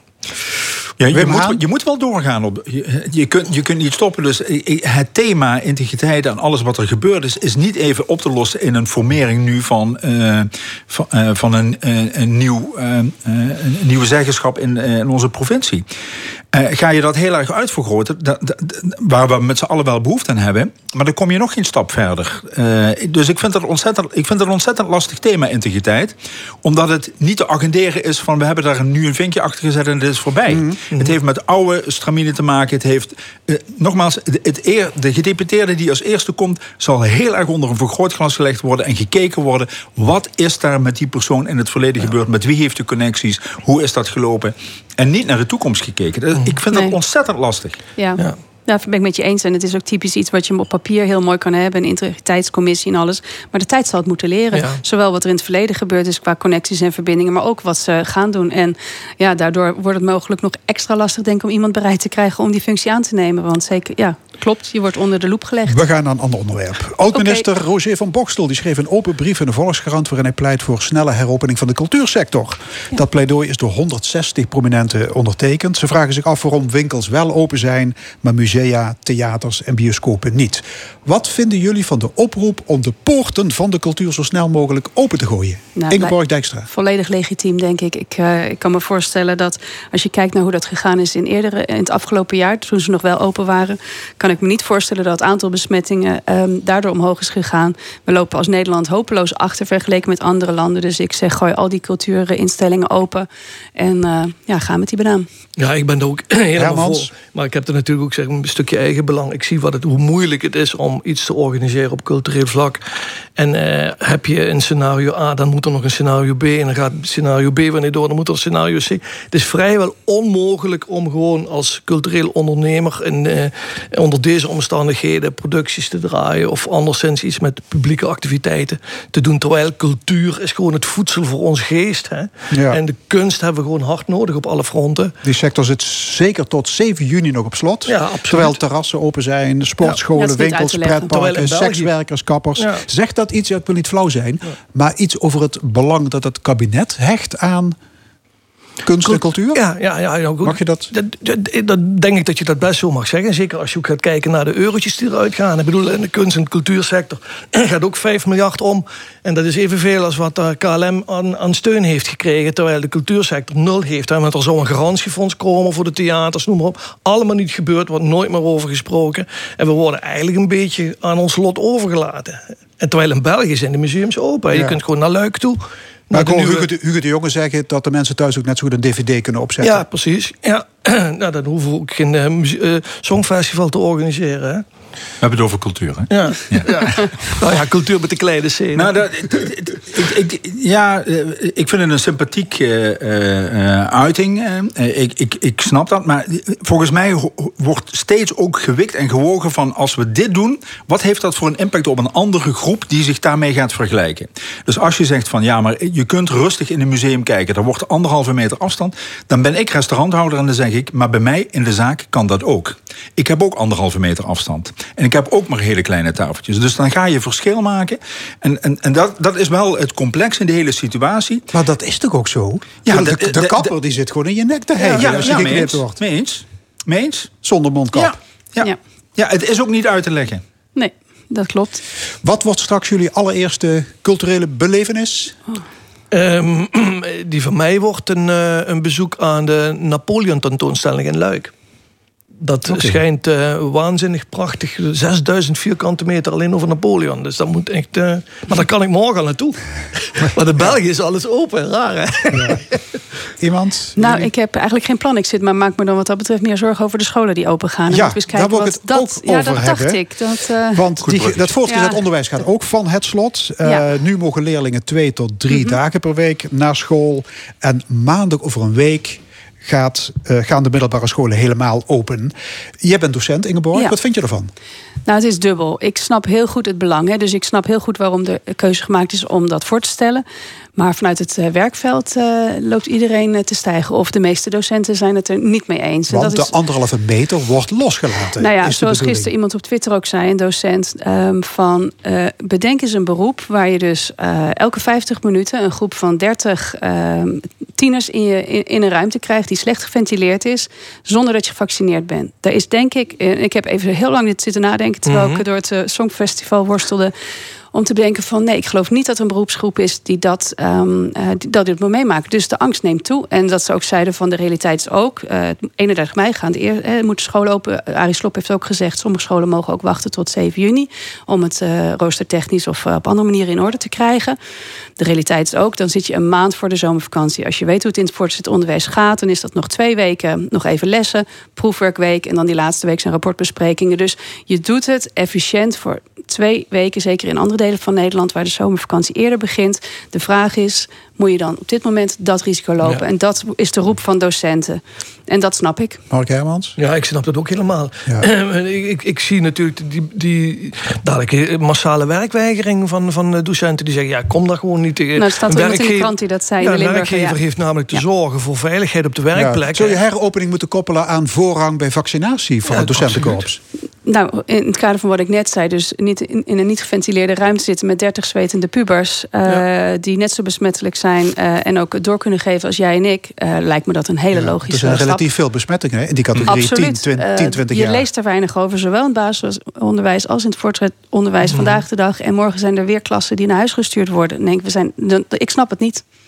Relatief veel collega's bij mij op het werk die besmet zijn, zijn niet door klanten besmet of wat dan ook. Maar komen vaak door kinderen Ja. die thuiskomen en waar ouders, eh, vader of moeder opeens besmet van is.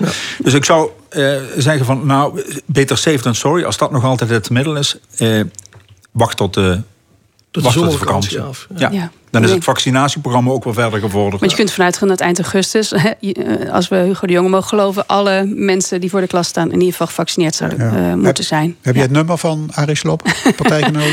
Ik kan daar aankomen, maar ik ga hem hier niet over bellen. Soms moet je de belangenverstrengeling even zien te voorkomen. Weet je nog? Ja, ehm, oh ja, volgende onderwerp gaat over integriteit. Ja, daarom. Dus Ja. ik help jullie met die bruggetjes vandaag. Ga maar door. Kom maar door. Ehm, in dit geval eh, Erik Geurs. Ehm, ja, er wordt bekeken of er ook een integriteitsonderzoek moet komen. Hè. Dus nu een soort vooronderzoek eh, naar hem gaande. Een voormalig gedeputeerde, nu burgemeester van Beekdalen. Het gaat erom dat hij in 2019 een toezegging heeft gedaan... toen hij nog gedeputeerde was aan een Brunsums bedrijf. eh Vossenberg heet dat. Het bedrijf zou een dwangsom van 360.000 euro niet hoeven te betalen... als ze alsnog brandveiligheidsmaatregelen zouden nemen. Maar de termijn daarvoor was al verstreken... en eigenlijk de rest van het college zei van niet meer doen, gewoon innen die eh, som. Eh, is, be- begrijpen jullie de actie van Geurts? Dat hij eh, een van de laatste werkdagen nog even toch besloot om dit te schikken? Ja, begrijp je, begrijp je. Het is zo onhandig als ik weet niet wat. Dus ik kan, dat kan ik niet begrijpen. Waarom iemand dat op, op dat moment doet. Ehm, nee, ik, nee. Ik heb daar wel begrip voor. Ja? Ja, ja maar ik zie het meer zo als een rechter die, eh, die, een, eh, die een boete oplegt. En die dan nog iemand voor de allerlaatste keer nog eens even de kans geeft. Hè, de verdachte om zijn op het rechte pad terug te keren. Want in principe is dit maar puur een administratieve sanctie om iemand ertoe te bewegen om alsnog in de actiemodus te schieten. Dus als je dan toch nog het telefoontje zou kunnen plegen om te zeggen, ja, weet je, Ja. we doen nog niet zo flauw. Maak nou zorg dat die spullen in orde komen en dan gaat die dwangsom niet door. Vind Maar- ik eigenlijk een best redelijk verhaal. 100% mee eens. Maar Erik Geers is geen rechter. Hij is partij, hij is belanghebbende in de kwestie. Namelijk wat hij zegt vertraagt of vertroebelt een proces of zet een proces on hold. Oftewel, hij zorgt dat er formeel contact heeft plaatsgevonden vanuit de provincie. En de, en, en, en de partij Vossenberg kan zeggen, ja even voor de duidelijkheid... maar ik heb hier een toezegging dat als ik dit regel... dat ik dan niet aan die dwangsom meer hoef te voldoen. Als een rechter dat bepaald zou hebben van kom nog één keer bij elkaar... En doe dat, dan had ik er alle begrip voor. Maar Erik Geurts is belanghebbende in de partij. Nou, ik zie dat niet zo. Hij is, hij, hij is de chief op dat moment op dat dossier. En die gebruikt nog even zijn laatste momenten van de macht... om, om als het ware de zaak ten goede te keren. Dus ik, ik zie het alleen maar als eh, nog een extra... Altijd gevaarlijk hè, op het laatste moment nog Ja, even nee, maar iets goed. doen. Hè? Nee, maar goed, eh, ik denk, eh, wellicht is het zo dat, die, dat, dat dat bedrijf helemaal die dwangsom niet zou kunnen betalen.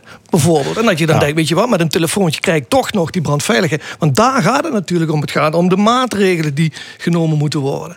Maar het was al een heel lang slepende procedure. en waarin het be- bedrijf lang weigerde om te Ja. voldoen aan die, Ja. ma- aan die opdracht. Nee, ik ben het eigenlijk meer met Wim eens. Dat ik denk van had hij gewoon niet moeten doen. Super onhandig. En dan wat ik begreep ook, maar ik weet natuurlijk niet in hoeverre de media eh, alles verteld hebben. Dat het ook een verrassing was voor in dit geval dan toch ook weer Robert Huismans eh, of een andere eh gedeputeerde of statenleden die erachter kwamen. Dat ik dacht van ja, je kunt niet een ander jouw zootje laten opknappen. Dus ehm, nee, gewoon verantwoordelijkheid nemen waar het hoort. Had hij niet moeten doen. Nee.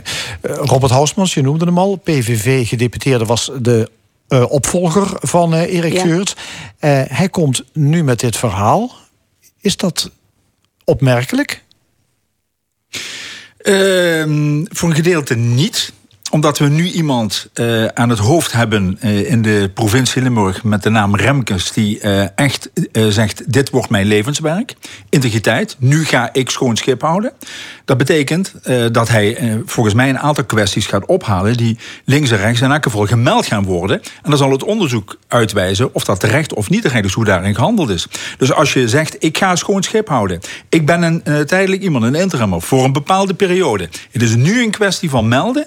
Ja. Dan vind ik dat je dat terecht moet melden. Had, had Erik Geurts dit niet gewoon eerder al... of, eh, of eh, had eh, eh, Robert Hausmans bedoel ik... had hij dit niet al eerder eh, Ik denk bekend dat je dat moeten in het maken? college al direct aan de orde had gesteld. Als jij dat had gehoord, dat iemand anders eh, tegen de wil van, jou, van jouw college, van je collega's had gezegd: ja, je hebt daar gebeld, jongen, wat heb je gedaan? Ja, dan ha- had hij recht van spreken gehad. Nou is het eh, opeens, is ook Hausmans afgetreden. En die wil natuurlijk nog eventjes een. Een, een, ehm, ja, even scoren op de, ook nog eens even een, ex-collega nog eventjes eh, in discrediet te brengen. Ja, ik vind het eigenlijk niet kunnen. Nou, ik weet niet of ik het zou noemen even willen scoren. Ik denk dat, ja, bedoel, de timing is misschien dan nog uh, discutabel. Maar ik denk dat hij vooral ook uh, naar voren wil brengen. Net als misschien we nog wel veel meer gaan horen van andere mensen. Dat er inderdaad meer mis is. En dat blijkbaar dus ook niet alleen binnen het CDA uh, gebeurt. Maar ook binnen de PvdA en ook binnen de PVV. En ja, misschien wel binnen andere partijen. Ik snap ook dat nu Remkes daar zit. Dat ze denken, oh, laten we eens even graven. Wat is er dan misschien raadzaam om nu naar voren te brengen? Dus, ja. En dan hoop me hard vast wel welke dossiers nog allemaal naar boven. Oh, absoluut. Ik ben ook nog niet optimistisch. Ik denk dat we over twee ja. weken weer een maar, dossier maar op tafel het, het is wel ontzettend jammer dat dit blijft etteren. Want ik hoorde laatst een Nederlands programma op de televisie... en die hadden het over Limburgse toestanden. En toen dacht ik van, wacht eens even, Limburgse toestanden. Ga eens een vandalen zoeken. Is, hebben we langzamerhand een begrip dat Limburgse toestanden staat... voor frauduleus handel of iets dergelijks. Het is, het is puur een soort uh, uh, voorbeeld dat, dat dat te pas en te onpas gebruikt wordt. Dus, dus we, we, we, komen er niet al te best vanaf als Limburg. Nee, klopt. Ja. Tot slot, het Songfestival. belangrijke vraag. De, de, de winnaar gisteren, ja. de rockband Maneskin uit Italië. Terechte winnaar. Uh, uh, nou, ik moet eerlijk zeggen, ik heb niet de energie gehad om het volledig allemaal te kijken. Ik heb naar mijn lievelingsliedje gekeken van Frankrijk. Dat vond ik dan zelf heel aantrekkelijk. ik heb het lied maar eens geluisterd, omdat ik dacht, ik zal het zinnig zeggen. Nou, het is niet mijn lied en volgens mij ook niet een terechte winnaar. Maar ja, wie ben ik? Alright. Hartelijk dank, discussiepanel. Vandaag met Ingeborg Dijkstra, Wim Haan en Mark Hermans. Dit was De Stemming. Vandaag gemaakt door Edwin Maas, Angels Was, Fons Geraas en Frank Ruber. En volgende week zondag zijn we er weer om 11 uur. Dit programma wordt herhaald maandagavond om 8 uur. En is ook te beluisteren via onze website l1.nl en ook via podcast. Zometeen op deze zender L1 Sport. Ik wens je nog een mooie zondag.